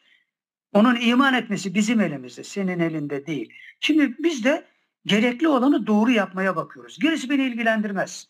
Hani bizim için önemli olan seferdir diyorlar ya klasik laf. Zafer Allah'a aittir. Ama görünen köy kılavuz istemez. Vallahi zafere az kaldı. Kim ne kadar umutsuz olursa olsun. Vallahi zafere az kaldı. Bu aldığımız bir takım müjdeler üzerinden söylediğim sözlerdir. Aklımdan söylemiyorum. Bunlara da hazırlıklı olmamız lazım. Az kaldı zafere. Görecek. Dünya şahit olacak yani. Evet. Eyvallah hocam. Hanefi Bey buyurun. Çok teşekkür ediyorum. Selamun Aleyküm ve Rahmetullahi ve Berekatü. Hayırlı geceleriniz olsun. Ee, Saadettin abi öncelikle hem grip olduğunuz için hem de bu yaşadığınız talihsiz olay için size geçmiş olsun dileklerimi iletmek istiyorum. Teşekkür ederim. Sağ olasınız. Saadettin abi şunu sormak istiyorum ben size. Şimdi e, bu malum şahsın gerçek yüzünü sizin e, videolarınızda, beyanatlarınızda çok daha iyi anladık. Bunun için öncelikle Allah sizden razı olsun. Fakat şunu sormak hmm. istiyorum ben size. Sizin bu konudaki tecrübeniz fazlasıyla mevcut. Ee, şimdi ben bir avam olarak bu şahsın e, açıkçası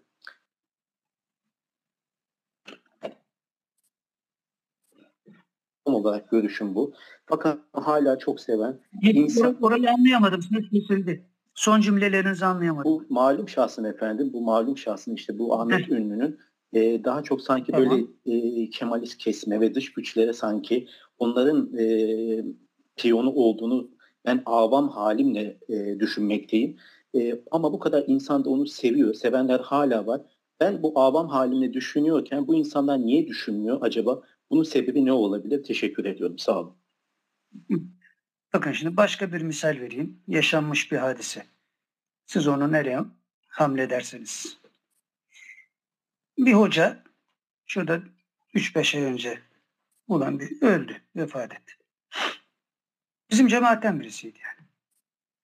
Fakat ilginç bir takım şeyler duyduk. Bunun için hadiseyi biraz kurcalama gereği hasıl oldu. Biz de kurcaladık. Öğrendiğimiz mesele şu. Mesela adam diyor ki bu hoca kendisi anlatıyor. Birisi geliyor bana diyor. Adamın bir tane dairesi var. Bir tane yani öyle çok zengin birisi değil. Diyor ki ben hocam diyor bu daireyi satıp size vereceğim diyor. Bu da yok ya işte hani senin bir tane de yok hocam ben satıp vereceğim ve satıp veriyor yani. Şimdi garip şeyler tabii yani. Bu kadar fedakarlık eve lazım olan meclise haramdır yani. Hani senin çoluk çocuğun oturduğu yer. Bunu nasıl yaparsın falan filan. Tabii hoca bunu anlatırken yapıp ettiklerini anlatmıyor. Onları da biz öğrendik tabii. Dediler ki bize bu hoca söz büyüsü yapıyor. Şimdi böyle bir şeyle karşılaşınca benim aklıma hemen hadis-i şerif geldi. Yani Efendimiz Aleyhisselatü Vesselam buyuruyor ki söz, kelam sihirdir. Yani güzel konuşursan insanları etkileyebilirsin. Bu normal. Yani bu da meşru zaten. Güzel konuşacaksın tabii ki. Bu geldi aklımıza. Bize dediler ki yok o değil. O değil. Dil fiil bir takım büyüye ait, büyüye ait bir şeyler yapıyor, terkipler yapıyor. O terkipler vesilesiyle sözünün karşı tarafa tesiri artıyor. E dedik bu büyü haram değil mi bu? Nasıl yapabilir? Bize söylenen şu. Bu büyü düşmanla savaş ederken yani müşriklerle, kafirlerle savaş ederken İslam ordusu çok zor durumda kaldığında yapılması meşru olan bir şeydir. Zor durumda kalmazsan yine kafire de yapamıyorsun. Böyle bir şeyi yapıyor. Sonra tabii ölüm sebeplerini falan daha da yakından öğrenince anladık mevzuyu. Şimdi ben şudur budur demiyorum. isim vermeden söylüyorum. Eğer bugün Kabbala bunları yapıyorsa, şey yapıyorsa, Ruslar yapıyorsa, Yahudiler yapıyorsa, Hristiyanlar yapıyorsa çok şeyler oluyor. Bir misalle bu mevzuyu kapatayım. Yaşadığım bir misal. Buradan hoca hanımlardan birisi. İsmail Ağa'da hoca hanımlardan birisi yani kursu olan birisi. Kendisi anlattı bana yaşadığı şey. Dedi ki bizim dedi kursun önüne her gün hava sıcak yazın yani. Her gün diyor bir su döküyorlar ıslak diyor bizim kapının önü. Yani 1-3-5 derken fark ettik diyor bunu. Allah Allah yağmur yok bir şey yok. Niye her gün sabah namazında kalktığımızda bizim kapının önü ıslak? Bekledik diyor bir gün. Bir çocuk geldi. 13-14 yaşında bir çocuk. Ben bunu Mehmet Metiner'e de anlattım. Yalova'da hastanede Salim Mirza Beyoğlu beyin ölümü gerçekleştiğinde. Oradaki cerraha da anlattım. Başhekime de anlattım. Bekledik diyor. Bir çocuk geldi diyor. 13-14 yaşında bir çocuk. Elinde şaşal şişesi. Açtı şişeyi. Döktü gidiyor. Arkadan takip ettik diyor. Çocuk yürüyerek diyor. Bunlar arabayla çaktırmadan takip ediyorlar. Patrikhanenin sokağına girdi kayboldu. Oraya araç giremediği için diyor. O sokağa girdi kayboldu. Sonra bekledik diyor. Bir dahaki gelişinde yakaladık çocuğu. Niye buraya su döküyorsun? Daha önce de gördük seni işte falan filan diyordu. Çocukta diyor yüzünde mimik yok. Hani sağır insanlar duymadıkları için mimikleri oynamaz ya. Duymadı çünkü neye göre tepki versin. Öyle bir hali var diyor. Allah Allah dedik diyor bu çocuk niye konuşmuyor? Bir üstünü arayalım bakalım ne var bunun üstünde diye. Üstünü ararken diyor kolunda, kol pazusunda büyük bir elektronik saat gibi bir şey düşünün. Ama saat değil. Elektronik bir alet. Çok muhkem bir şekilde oraya rapt edilmiş. Vallahi Allah dedik diyor bu ne saate benzemiyor. Ama bu çocuğun kolunda bu kadar pahalı bir alet ne olabilir falan filan. Çıkarmaya çalıştık diyor. Sonunda herhalde keserek şey yapmışlar. Çünkü öyle muhkem bir şey. Çocuğun kolundan diyor o aleti aldığımız andan itibaren çocuk konuşmaya başladı. Ve dedi ki diyor beni patrikhane gönderiyor. Buraya su dökmem için bana iyi para veriyorlar. Hiçbir şeyden haberim yok. Ben ne olduğunu bilmiyorum. Fakat bu alet kolumda olduğu müddetçe dilim dönmüyor. Bu alet kolumda olduğu müddetçe dilim dönmüyor. Ben bunu Mehmet Metiner'e oradaki başhekime anlatırken Salim Mirza Bey'le yapılan zihin kontrolü üzerinden tabii o nispet üzerinden anlatıyordum. Yani zihin kontrolü sokağa kadar düşmüş. Bunu yaşayan hoca hanım bunu bana söylüyor. Dolayısıyla şimdi burada elektronik bir şey var. Yani Salim Mirza Bey'in bir sözü var. Diyor ki teknolojiyi sihir haline de dönüştürdüler. Sihir gibi kullanıyorlar. Ayrıyeten sihir de yapıyorlar zaten. E biz Telegram, de... Telegram'dan mı bahsediyorsunuz? Evet, Telegram'dan bahsediyorum ama bu hadisenin Telegram'la alakası yok. Yani sihrin hangi noktalara kadar taşındığını anlatmaya çalışıyorum. Dolayısıyla filancı bu işi niye yapıyor? Bu hoca bunu niye yapıyor?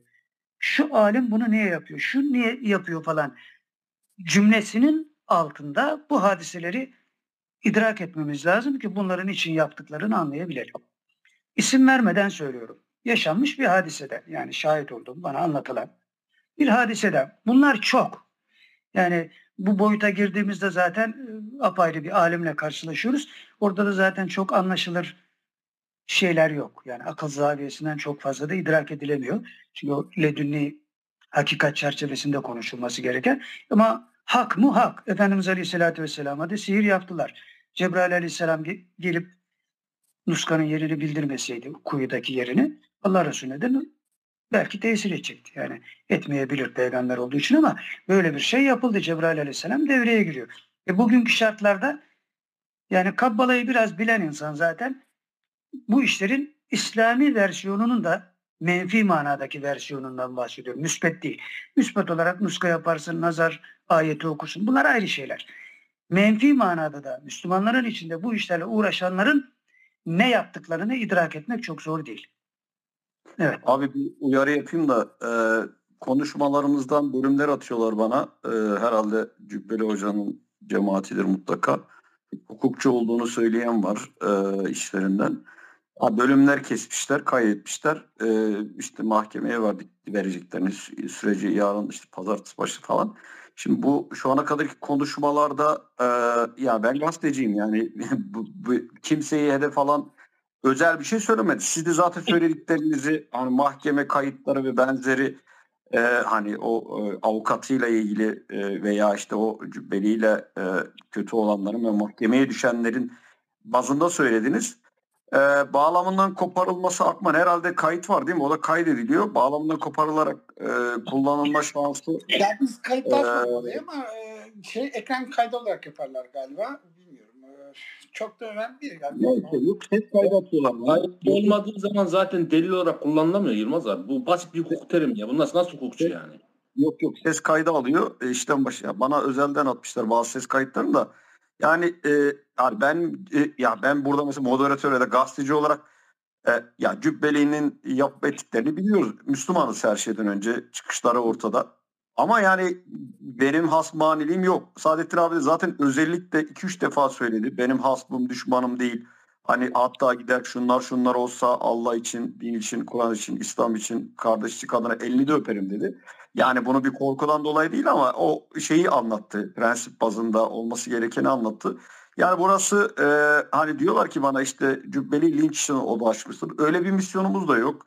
Ama burada Saadettin abi Hamas'ın ha, diyalektik anlamda ya da işte bugünkü ortaya koyduğu eylem anlamında e, Hamas'tan hareketle yaptığı örneklendirmeye e, bütün Yılmaz Özdil'den önce cevap veren veya ona işte lince katılan e, önce bu soruyu kendine sorması lazım. Yani kimin kimin linç ettiğini ve buradaki ana konuda zaten cübbeli falan değil. Cübbeli sorumuzun merkezinde de onun o yaptığı uzun açıklama vardı. Onu sorduk Saadettin abiye. Yani e, bunlarla falan korkacağım bir şey yok. Ben 25 senedir haber yapıyorum. Haberin ne olduğunu da biliyorum. Sorunun nasıl olduğunu, nasıl olacağını da biliyorum. Şu ana kadar da Saadettin abi bence yani olağanüstü e, dengeli, akıllı, mantıklı e, ve Müslümana yakışır bir şekilde cevap verdi. Kendi yorumlarını yaptı. Onun için e, bizi bayağı dinliyorlar Beni- beni herhalde. de- Çünkü beni de. O Sabri amca hesabı falan böyle atmış. Yok yok bana başta özelliğe atıyorlar. Yani onları da artık parantez söyleyeyim. Ee, Saadettin Yılmaz abi Bey, Yılmaz Bey, Yılmaz Bey çok özür dilerim. Şunu da söylemek istiyorum. Kapatacağım. Saadettin Bey'in ben yerinde olsam bana atılan bu iftiradan dolayı ben de karşısına eee, dava açarım. Gereken neyse elimden geldiği kadarıyla hakkımı hukukumu savunurum. İnsanları kimse bu şekilde linçleyemez. Bir Müslümanı bu şekilde hedef haline getiremez. Çok çok teşekkür ediyorum. Geçmiş olsun tekrardan. Ya ben şöyle bir şey söyleyeyim. Ben zaten dava açtım yani. Duyuluyor mu sesim? Duyuluyor hocam, duyuluyor. Ee, Ben toplam- davayı açtım zaten. Yani Cübbeli Ahmet Mahmut'a dava açtım. Başka davalarım da var. Şimdi oradan o şeyleri yazanlara sormak lazım. Sizin bu söylenenlere cevabınız var mı veya hocanızın cevabı var mı? Bunlarla ilgilenmeleri gerekirken işte yok iftira atıyor falan filan. Bunlar hikayeden nameler yani. Kim ne yaparsa yapsın. Ama eğer dürüstseler bunlara cevap versinler veya hocalarına gitsinler. Böyle böyle deniliyor. Bunlara bir cevap verir misin diye. Hiçbir şeye cevap vermiyorlar. Niye vermiyorlar? Niyesini biliyoruz biz zaten yani. Her şey ortada. Onun için bizim o taraflarla alakalı bir şeyimiz yok yani. Bizi ilgilendiren bir şey değil. Mahkemeye vermişler, vermemişler önemli değil zaten. Daha da iyi zaten gittikçe mahkemelerdeki belgeler çoğalıyor yani. Ben ona diyorum bu iftirasından dolayı yani benim konuşmamda asker var mı? Yok. Polis var mı? Yok. Kalkışma var mı? Yok. Sen nereden uydurdun bunu? Defaatle de bunu tekrarlıyorsun. İşte niçin bunu yaptığını anlatıyoruz. De ki yok ben onun için yapmıyorum. O zaman ne için yaptığını anlat. Onu da söylemiyorsun, öbürünü de söylemiyorsun. Bak benim ne kadar iddialarım var. Şu konuda şöyle yaptım. Cevap vermiyorsun. Bu konuda böyle yaptın. Yine vermiyorsun. Bu konuda böyle yaptın. Yine vermiyorsun. Bu dosyalar bir gün önüne gelecek. Daha özel şeyler var tabii. Bazı şeylerin vakti zamanı var. Allah'ın izni keremiyle. Biz ihlaslı ve samimi olarak bu yolda devam edebilirsek kazanırız. Sonuç önemli değil. Yani ben şu anda konuşuyorsam eğer bunun içinde Allah rızası yoksa ben yandım. Dinleyenler de Allah rızasına matifen dinlemiyorlarsa onlar da yandı. Asıl önemli olan burası. Çünkü öbür tarafta mahkeme buradaki mahkemeler gibi değil yani. Yalan söylemenin alemi yok. İhlas ve samimiyet Müslümanın mahrum olduğu şeylerden biri bugün. Bunun için küfür bu halimizden istifade ederek istediği gibi bizle oynuyor. Ama onların da artık miadı doldu. Çünkü dünyada tek sistem var, kapitalist sistem. O da batıyor. Batarken biz yerine ne koyacağız? Bunun hesabı içinde olmamız lazım. Bu konuda da bizim bir iddiamız var. Dedikodu yapmıyoruz. Fikir bazında hadiseleri ortaya koyuyoruz. Hayır senin fikrin yanlıştır diyen varsa bize doğrusunu göstersin. Biz de onlarla ilgilenelim yani. Mutlak değildir bizim söylediğimiz. Mutlak olan Kur'an'dır ve sünnettir. Biz Kur'an ve sünnete nispetle ehl sünnet istikametinde ortaya bir şey koyduğumuzu ve bunun mücadelesini verdiğimizi söylüyoruz. Bunun mahkemeymiş, dedikoduymuş, sövmekmiş, övmekmiş falan filan bunlar bizi çok fazla ilgilendirmiyor. Yarın ölüm var hesaplaşacağız zaten. Yarın ölüm var. Herkes bunun hesabını yapması lazım. Hani oradan sizi mahkemeye verdik, veriyoruz, dava açıyoruz falan filan. Ya mahkeme-i kübrada görüşeceğiz zaten. Bunlar da onlar için delil olacak. Ha, samimilerse, samimiyetle bunu yapıyorlarsa, yapıyorlarsa Allah affeder. Bu ayrı bir olay yani. Hani samimidirler, gerçekten inanarak yapıyorlar da hata olmuştur. Tamam Allah affeder. Ama art niyetli yapıyorlarsa vay geldi başlarına. Allah onları da kurtarsın yani. Eyvallah hocam. Arkadaşlar, e, e, kardeşlerim son 3 sorumuz. Lütfen kısa kısa soru soralım. Hakikaten saat çok ilerledi. Hocamız da rahatsız. Yusuf Bey buyurun. E, Yusuf Bey'den sonra Sadık Bey Hakkı abiyle bitiriyoruz. Buyur Yusuf Bey. Selamünaleyküm. Aleykümselam. Ben şeyi sormak istiyorum. Ee, Cübbeli Ahmet'le e, kadın olayında bir görüştüm dediniz. Torunu görüştür dediniz. Hangi torunu görüştürdü siz acaba? İkisi de Bir oradaydı. de İkisi de oradaydı. o Abdülhalik hoca mı? Abdülhalik, Muhammed Fatih bir de Hızır Hoca'nın oğlu Ali Aydar. Tamam. Ee, bir de bu Mahmud Efendi'ye birisi işte öpüşerek mi affedersin hani bir e, Hı. ta- rabıta yapıyorsun dediğinde orada birisi de evet öyle yapıyoruz dediğinde o hoca kimdi acaba? O hoca değil. İsmail Cübbeli başka, vazifelerle ilgilenen birisi. Kim peki onu öğrenebilir miyiz? Cübbeli ben isim vermeyeyim de Cübbeli benim ilk hocamdır diyor. Benim ilk Hmm. hocam diyor. Hı. Anladım. Salih Mirza Beyoğlu en son yani Efendi Hazretlerini ziyaret ettiğinde siz neden yanınızda yok yanında yoktunuz veya en son ne zaman Mahmut Efendi Hazretlerini Orada ziyaret ben, ettiniz? ben de oradaydım. Ben de oradaydım. Resimlerde var. Beraber gittik zaten. Şimdi Salim Mirza Beyoğlu bana söyledi zaten. Efendi Hazretleri'ni ziyaret etmek istiyorum diye. Ben de haneye haber gönderdim. Müsait bir zamanlarında bizi davet ettiler. Ben de oradaydım yani. Ha, Resimler anladım. Hı hı. Bir de şu e, şey var bu geçen sohbetlerinizde oldu herhalde. Yusuf, Mahmut Efendi ce- cenazesinde tabuttan efendim Yusuf 3-4 tane soru oldu güzel kardeşim. Bekleyenler var hadi. he, tamam şey demiştiniz Mahmut Efendi cenazesinde Tayyip Erdoğan'a tece- teveccüh etti diye. Onu da öğrenebilir miyiz? Neyi o anlayamadım soruyu. Mahmut Efendi cenazesinde tabuttan e, Erdoğan'a teveccüh etti diye. Şimdi onlar diyorum ledünni ilimlerle alakalı. Altı üstü olmayınca öyle bir şey söylemek şeye bağlıdır. Maslahata bağlıdır. Ben orada bir şey söylemişsem bir maslahat söz konusudur. O maslahatı burada açmaya kalksam saatler sürer. Bir de ne kadar anlaşılır? O da var. Bazı şeyler anlaşılmıyor. Onun için de vaktinden önce söylediğim şeyler için de sıkıntı doğuyor. Yani insanların kafası karışıyor. Bunlar bambaşka hadiseler yani. Şeyle alakalı. Lakin sohbetlerde bunları açıklıyorsun yani üstü kapalı Hı. ama e, insanlar anlamıyor. Onu diyorum işte. Yani bu idrak patlaması söz konusu olsun diye hem nalına hem mıhına vuruyoruz yani. Hem zahirde hem batında bir şeyler hissedilsin diye o kadar gidebiliyoruz. İşte mahvolmuş medeniyetin çocukları olduğumuz için idrak yerlerde sürülüyor. Ancak bu kadar yapabiliyoruz yani. Yoksa öyle e, hepsini yani anladıklarımızın hepsini anlatsak hiçbir işe de yaramayabilir yani. Hatta adamlar dalga mevzu yapmaya çalışıyorlar falan filan. Şimdi adama diyorsun ki Musa Aleyhisselam'la Hızır Aleyhisselam'ın mevzusu ayet-i kerimede var mı? Kehf suresinde var. Ne oluyor orada? Ee, Hızır Aleyhisselam çocuğun kellesini kesiyor. Gemiyi deliyor. Kendilerine yemek vermeyen bir karyedeki insanların yıkılmakta olan duvarını yapıyorlar. Akıl almaz şeyler. Musa Aleyhisselam bunları anlamıyor. Peygamber anlamıyor yani. Çünkü benden daha çok ilmi olan var mı diye Mevla'dan dilekte bulunuyor. Var diyor Hızır Aleyhisselam gönderiliyor kendisine. Şimdi adama diyoruz ki sen bunlara inanıyor musun? İnanıyorum. Peki izah edebilir misin? Edemem. Ledünni ilim böyle bir şey zaten. Hızır Aleyhisselam'a biz ledünni ilim verdik diyor. Peygamber anlayamadı orada. Dolayısıyla biz bunları bugüne aplike ederken istikrarlı gidiyoruz. Bazen biraz çıkışlar yapıyoruz ki hani şuurlara alternatif olsun diye. Onun için anlatılmaz diyorum. Yoksa anlayan için Kur'an-ı Kerim'de var hepsi. Bizim söylememize de gerek yok. Kur'an-ı Kerim'e bakıp anlayabilir yani tefsirlerden. Ama işte nasıl okumak lazım ki anlamak lazım. Mesele bu. Onun için söyleyemiyorum yani. Veya söylemiyorum işte bazen söylüyoruz bazen söylemiyoruz. Ali abi çıkışa bir saniyelik bir misal verebilir miyim? İbrahim Hocam. abi, olmaz İbrahim abi. Şu soruları bir bitirelim abi. Hocamızı bir gönderelim lütfen ya. Hocam biz konuşuruz kendi aramızda. Sıkıntı yok. Konuşuruz kendi aramızda. Gitmeden. Ya hocam etmeyin Allah aşkına bak. Hasta, mübarek hasta yapmayın şunu ya. Gittiydi. Ateşe doğru, sobaya doğru koşan çocuğa babası yerinden kalkıp tutamıyorsa yastık fırlatır. Saadettin Hocam'ın çıkışı yastık fırlatmaktır. Hı, güzel. Sadece. Güzel. Eyvallah İbrahim abi. Sadık e, Bey buyurun. Selamun Aleyküm. Fazıl Canı Gönül'den selamlıyorum. Ben Saadettin Hocam'a tek bir soru soracağım.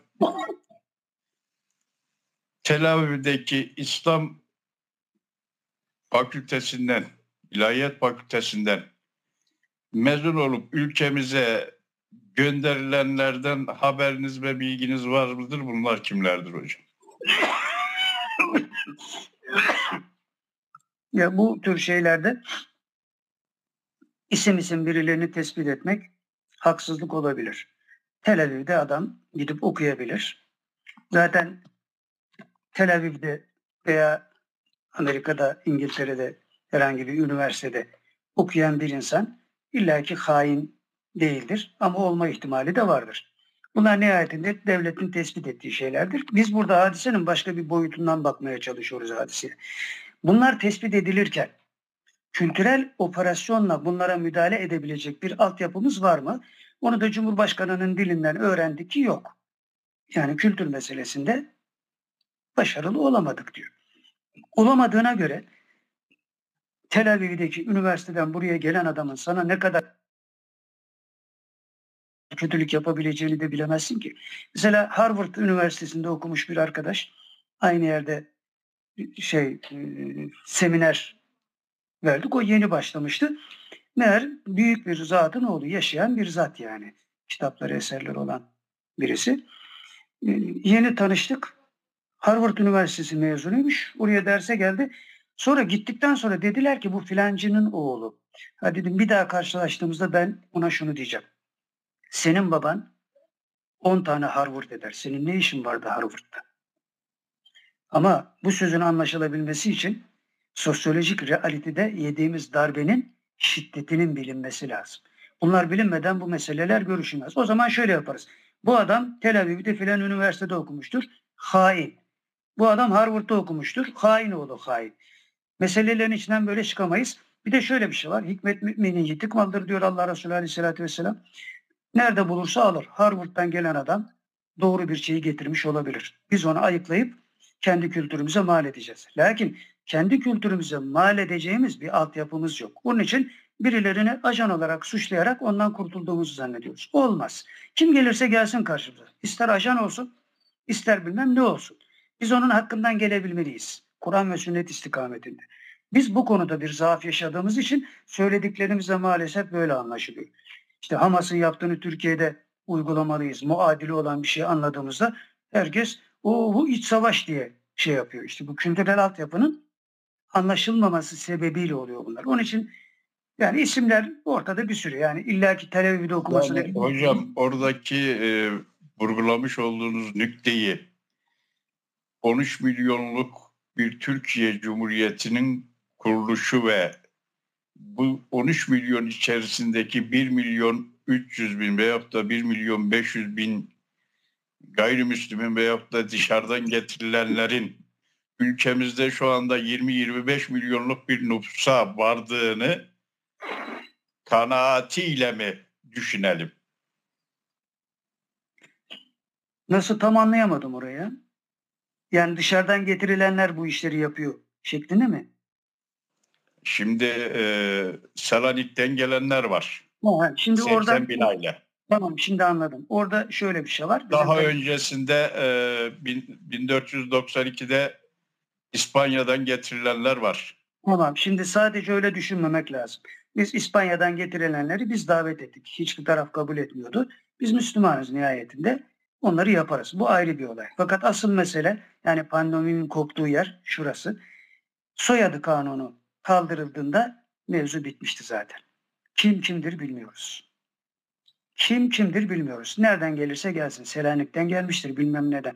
Eğer bu meselelere mukayyet olabilseydik ki olamadık yani işte Çanakkale Savaşı, Kurtuluş Savaşı falan filan derken Dullar yetimler ülkesi haline gelince düşman da güçlü bunları becerdiler. Soyadımızı değiştir. Önceden nesillerimizi biliyorduk. Bundan kaç nesle kadar. Şimdi soyadını değiştirdi. Adam Ermeni ama ben şeyim diyor işte. Kürdüm diyor. Öbürü bilmem ne Lazım diyor. Öbürü bilmem ne şuyum diyor.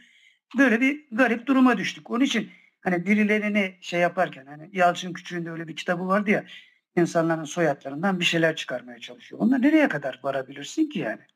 Bu kuvvetli bir istihbaratla alakalı devletin yapabileceği bir şey. Ben kalkıp birine şu ajandır elimde bir done olmadan dersem iftira atmış olurum.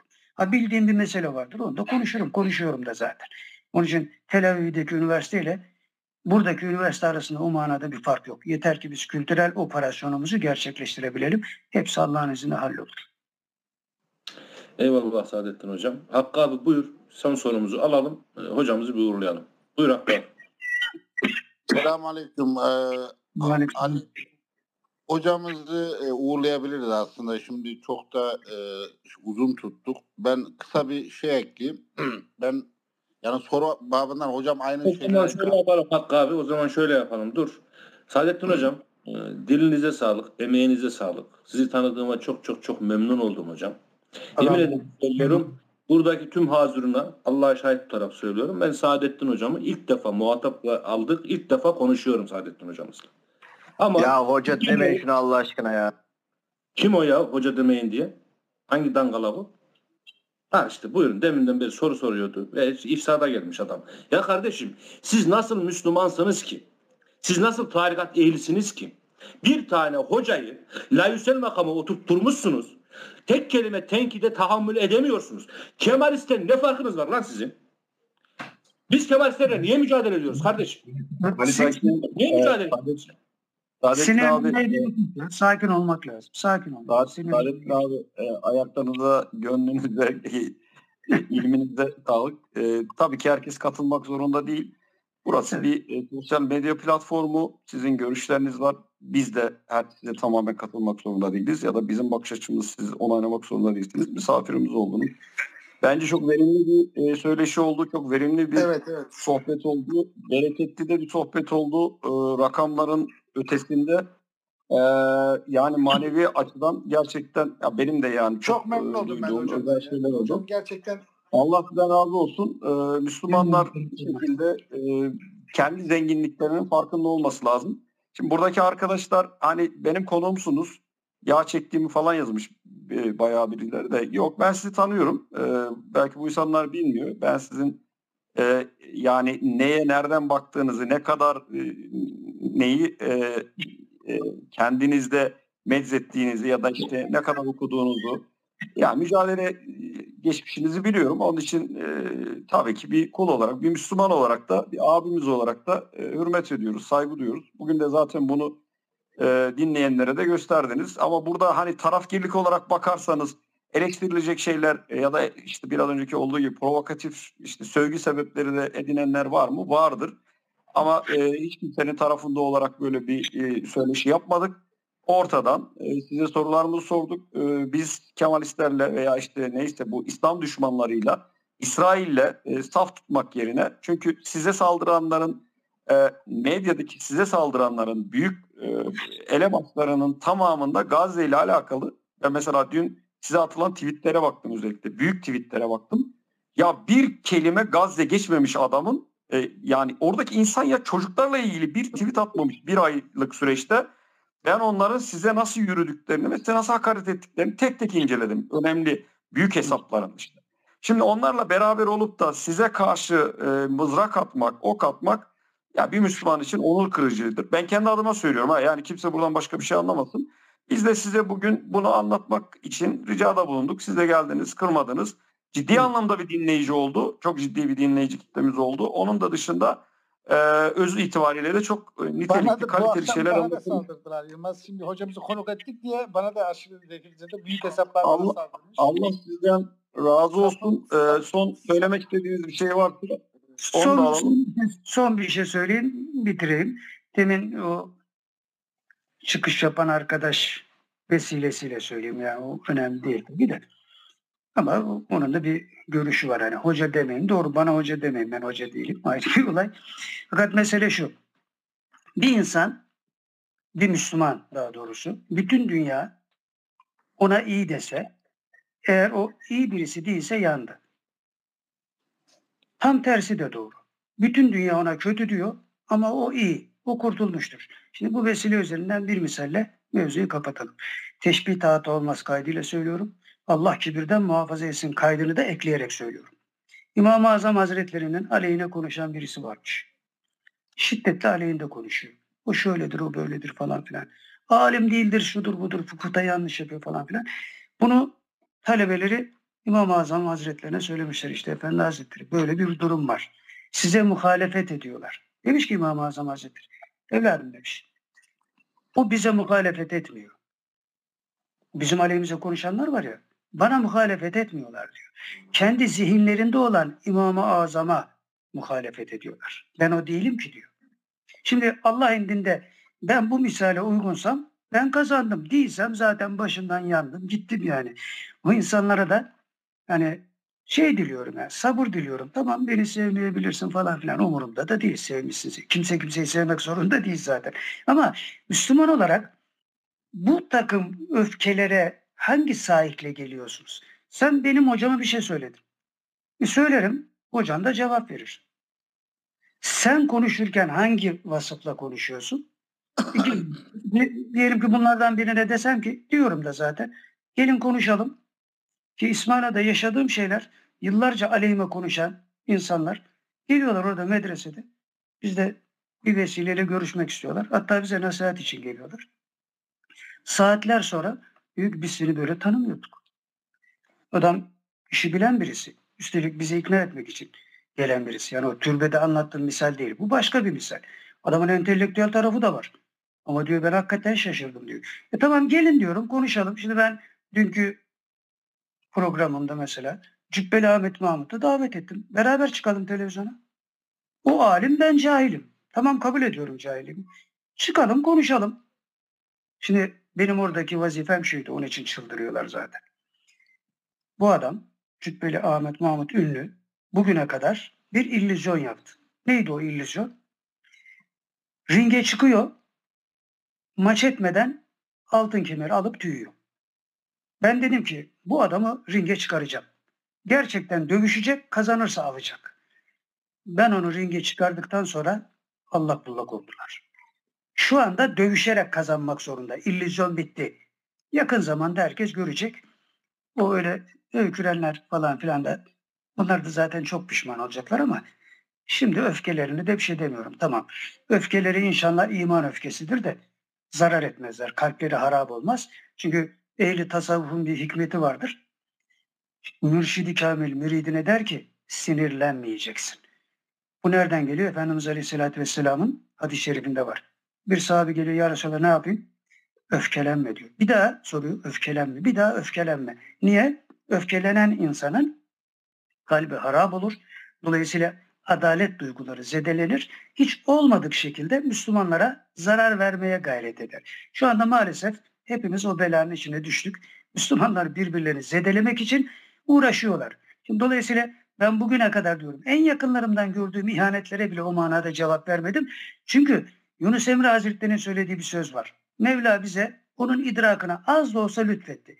Ne diyor Yunus Emre Hazretleri? Ballar balını buldum. Kovanım yağma olsun. Bana ne ya?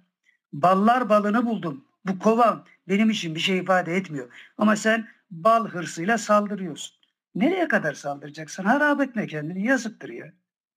Ama yok işte öyle bir altyapımız yok. Mahvolmuş medeniyetin çocukları olarak konuşuyoruz. Onun için ben bu manada kimseye kızamıyorum. O çocukların içinde ben de varım sen de varsın. Adam o haldeyse kurtaracaksın adamı. Sinirlenir, şunu yapar, bunu yapar. Ama diyorum bugüne kadar karşılaşıp da yanlış yaptık demeyenle karşılaşmadım da. Yani biz seni böyle tanımıyorduk. Şimdi araya mekanik bir şey girdiğinde yani şimdi arada e, internet var, telefon var falan filan. Şimdi bunun ölçüsü şudur. Bunlar da şeytani vesveselere sebep oluyor. Üstad Necip Fazıl'a diyorlar ki mikrofonla ezan okumanın hükmü nedir? Cevap şu. Samimiyeti öldüren bir taraf vardır. Halbuki mikrofon camiye asıldığı andan, minareye asıldığı andan itibaren içinden ya sela sesi çıkar ya da ezan sesi. Buna rağmen samimiyeti öldürüyor. Şimdi bu internetin içinde neler var? Her türlü fuhşiyat var. Dolayısıyla bize bildirilen şeylerden biri de şu. Ben de bunu son olarak bildirmiş olarak kapatayım mevzu inşallah. Çok seyredilen videolar var ya. Çok seyredilen. Bunlar müsbet videolar da olabilir. Hani kötülerinden bahsetmiyorum. Çok seyredilen videoların içine maalesef büyü yerleştiriliyor. Dikkat etmek lazım. En azından felek nasları okumaktan mahrum olmamak lazım. Ondan sonra evhamın gitmesi için yani evham zaten tetikliyor bizim bu cehaletimizi. Büyüklerin bize tavsiye ettiği bir şey var. Her gün 21 defa hiç olmasa amentü'yü okuyun diyor. Yani amentü billahi ve melaiketi ve kütübi ve resulü ve levmil akri ve bil kadri hayriye ve şerri min Allah Teala el ma'di ba'del ma'di hakkun eşheden la ilahe illallah ve eşheden enne Muhammeden abdü ve. Bunun tesirini göreceksiniz ihlasla okursanız. O zaman kızdığınız insanlara bile kızamıyorsunuz. Gerçekten söylüyorum. Kızamıyorsunuz. Çünkü evhamınız azalıyor. Samimi olarak bunu okuyorsunuz.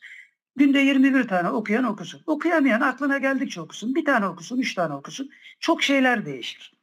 Biz bu dili topluma hakim kılabilmek için ne yapabiliriz diye düşünürken Hamas'ı vesile kıldık. Atladık ortaya. Bir şey söyledik. Kıyametler koptu. Kopacak zaten. Onun için Bizim şeyde dergimizin, Furkan dergisinin logosu şudur. Denizler durulmaz dalgalanmadan. Bir dalgalanacak ortalık. Şu anda bütün dünya dalgalanmış vaziyette. Buna sebep olan da Hamas. Allah onlardan razı olsun. bizi de onlara benzesin. Burada bitirmiş olalım inşallah. Hocam bir şöyle bir Amin. şöyle birisi bir şeyler yazmış. Dört günlük ateşkes oldu. Bizim içim, içerideki münafıklar azdı kudurdu. O da açıp ehli sünnet düşmanlığı yapıyorlar. Ben Ee, nefesinize sağlık, e, gönlünüze, ilminize sağlık. Bence e, ve bir de yani çok ciddi anlamda hani sadık bir kitle vardı. E, ben yani kontrol ediyorum. E, din yani böyle gelip 3 dakika, 5 dakika, 10 dakika değil başından beri bayağı bir istikrarlı e, dinlendi o da. E, o da bence çok önemliydi.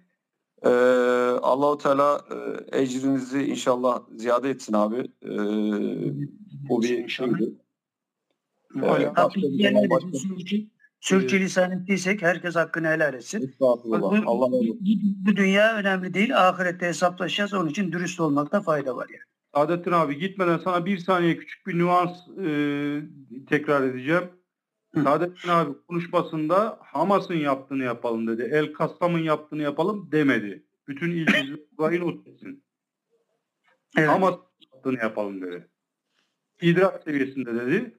El Kassam demedi, fiiliyat demedi. Bütün ilgililer burayı not etsin. Ateşe doğru koşan çocuğa yetişemeyince yüzü yanmasın diye oturduğu yerden yastık atıp yere düşmesini sağlayacak şekilde babasının gösterdiği merhameti göstermeye çalıştığını ben düşünüyorum. Bütün ilgililer Evet. not ederse çok müteşekkir olurum, memnun olurum. İyi niyetli olmak lazım. Yani kötü niyetle bir yere varılmaz. Aynen abi, aynen. Sabrımızı da artırsın. Bütün Müslümanlara sabır versin. Amin. Ayağınıza İnşallah. sağlık hocam. Ee, Allah'a emanet olun. Ee, Rabbim ilminizi daim eylesin hocam.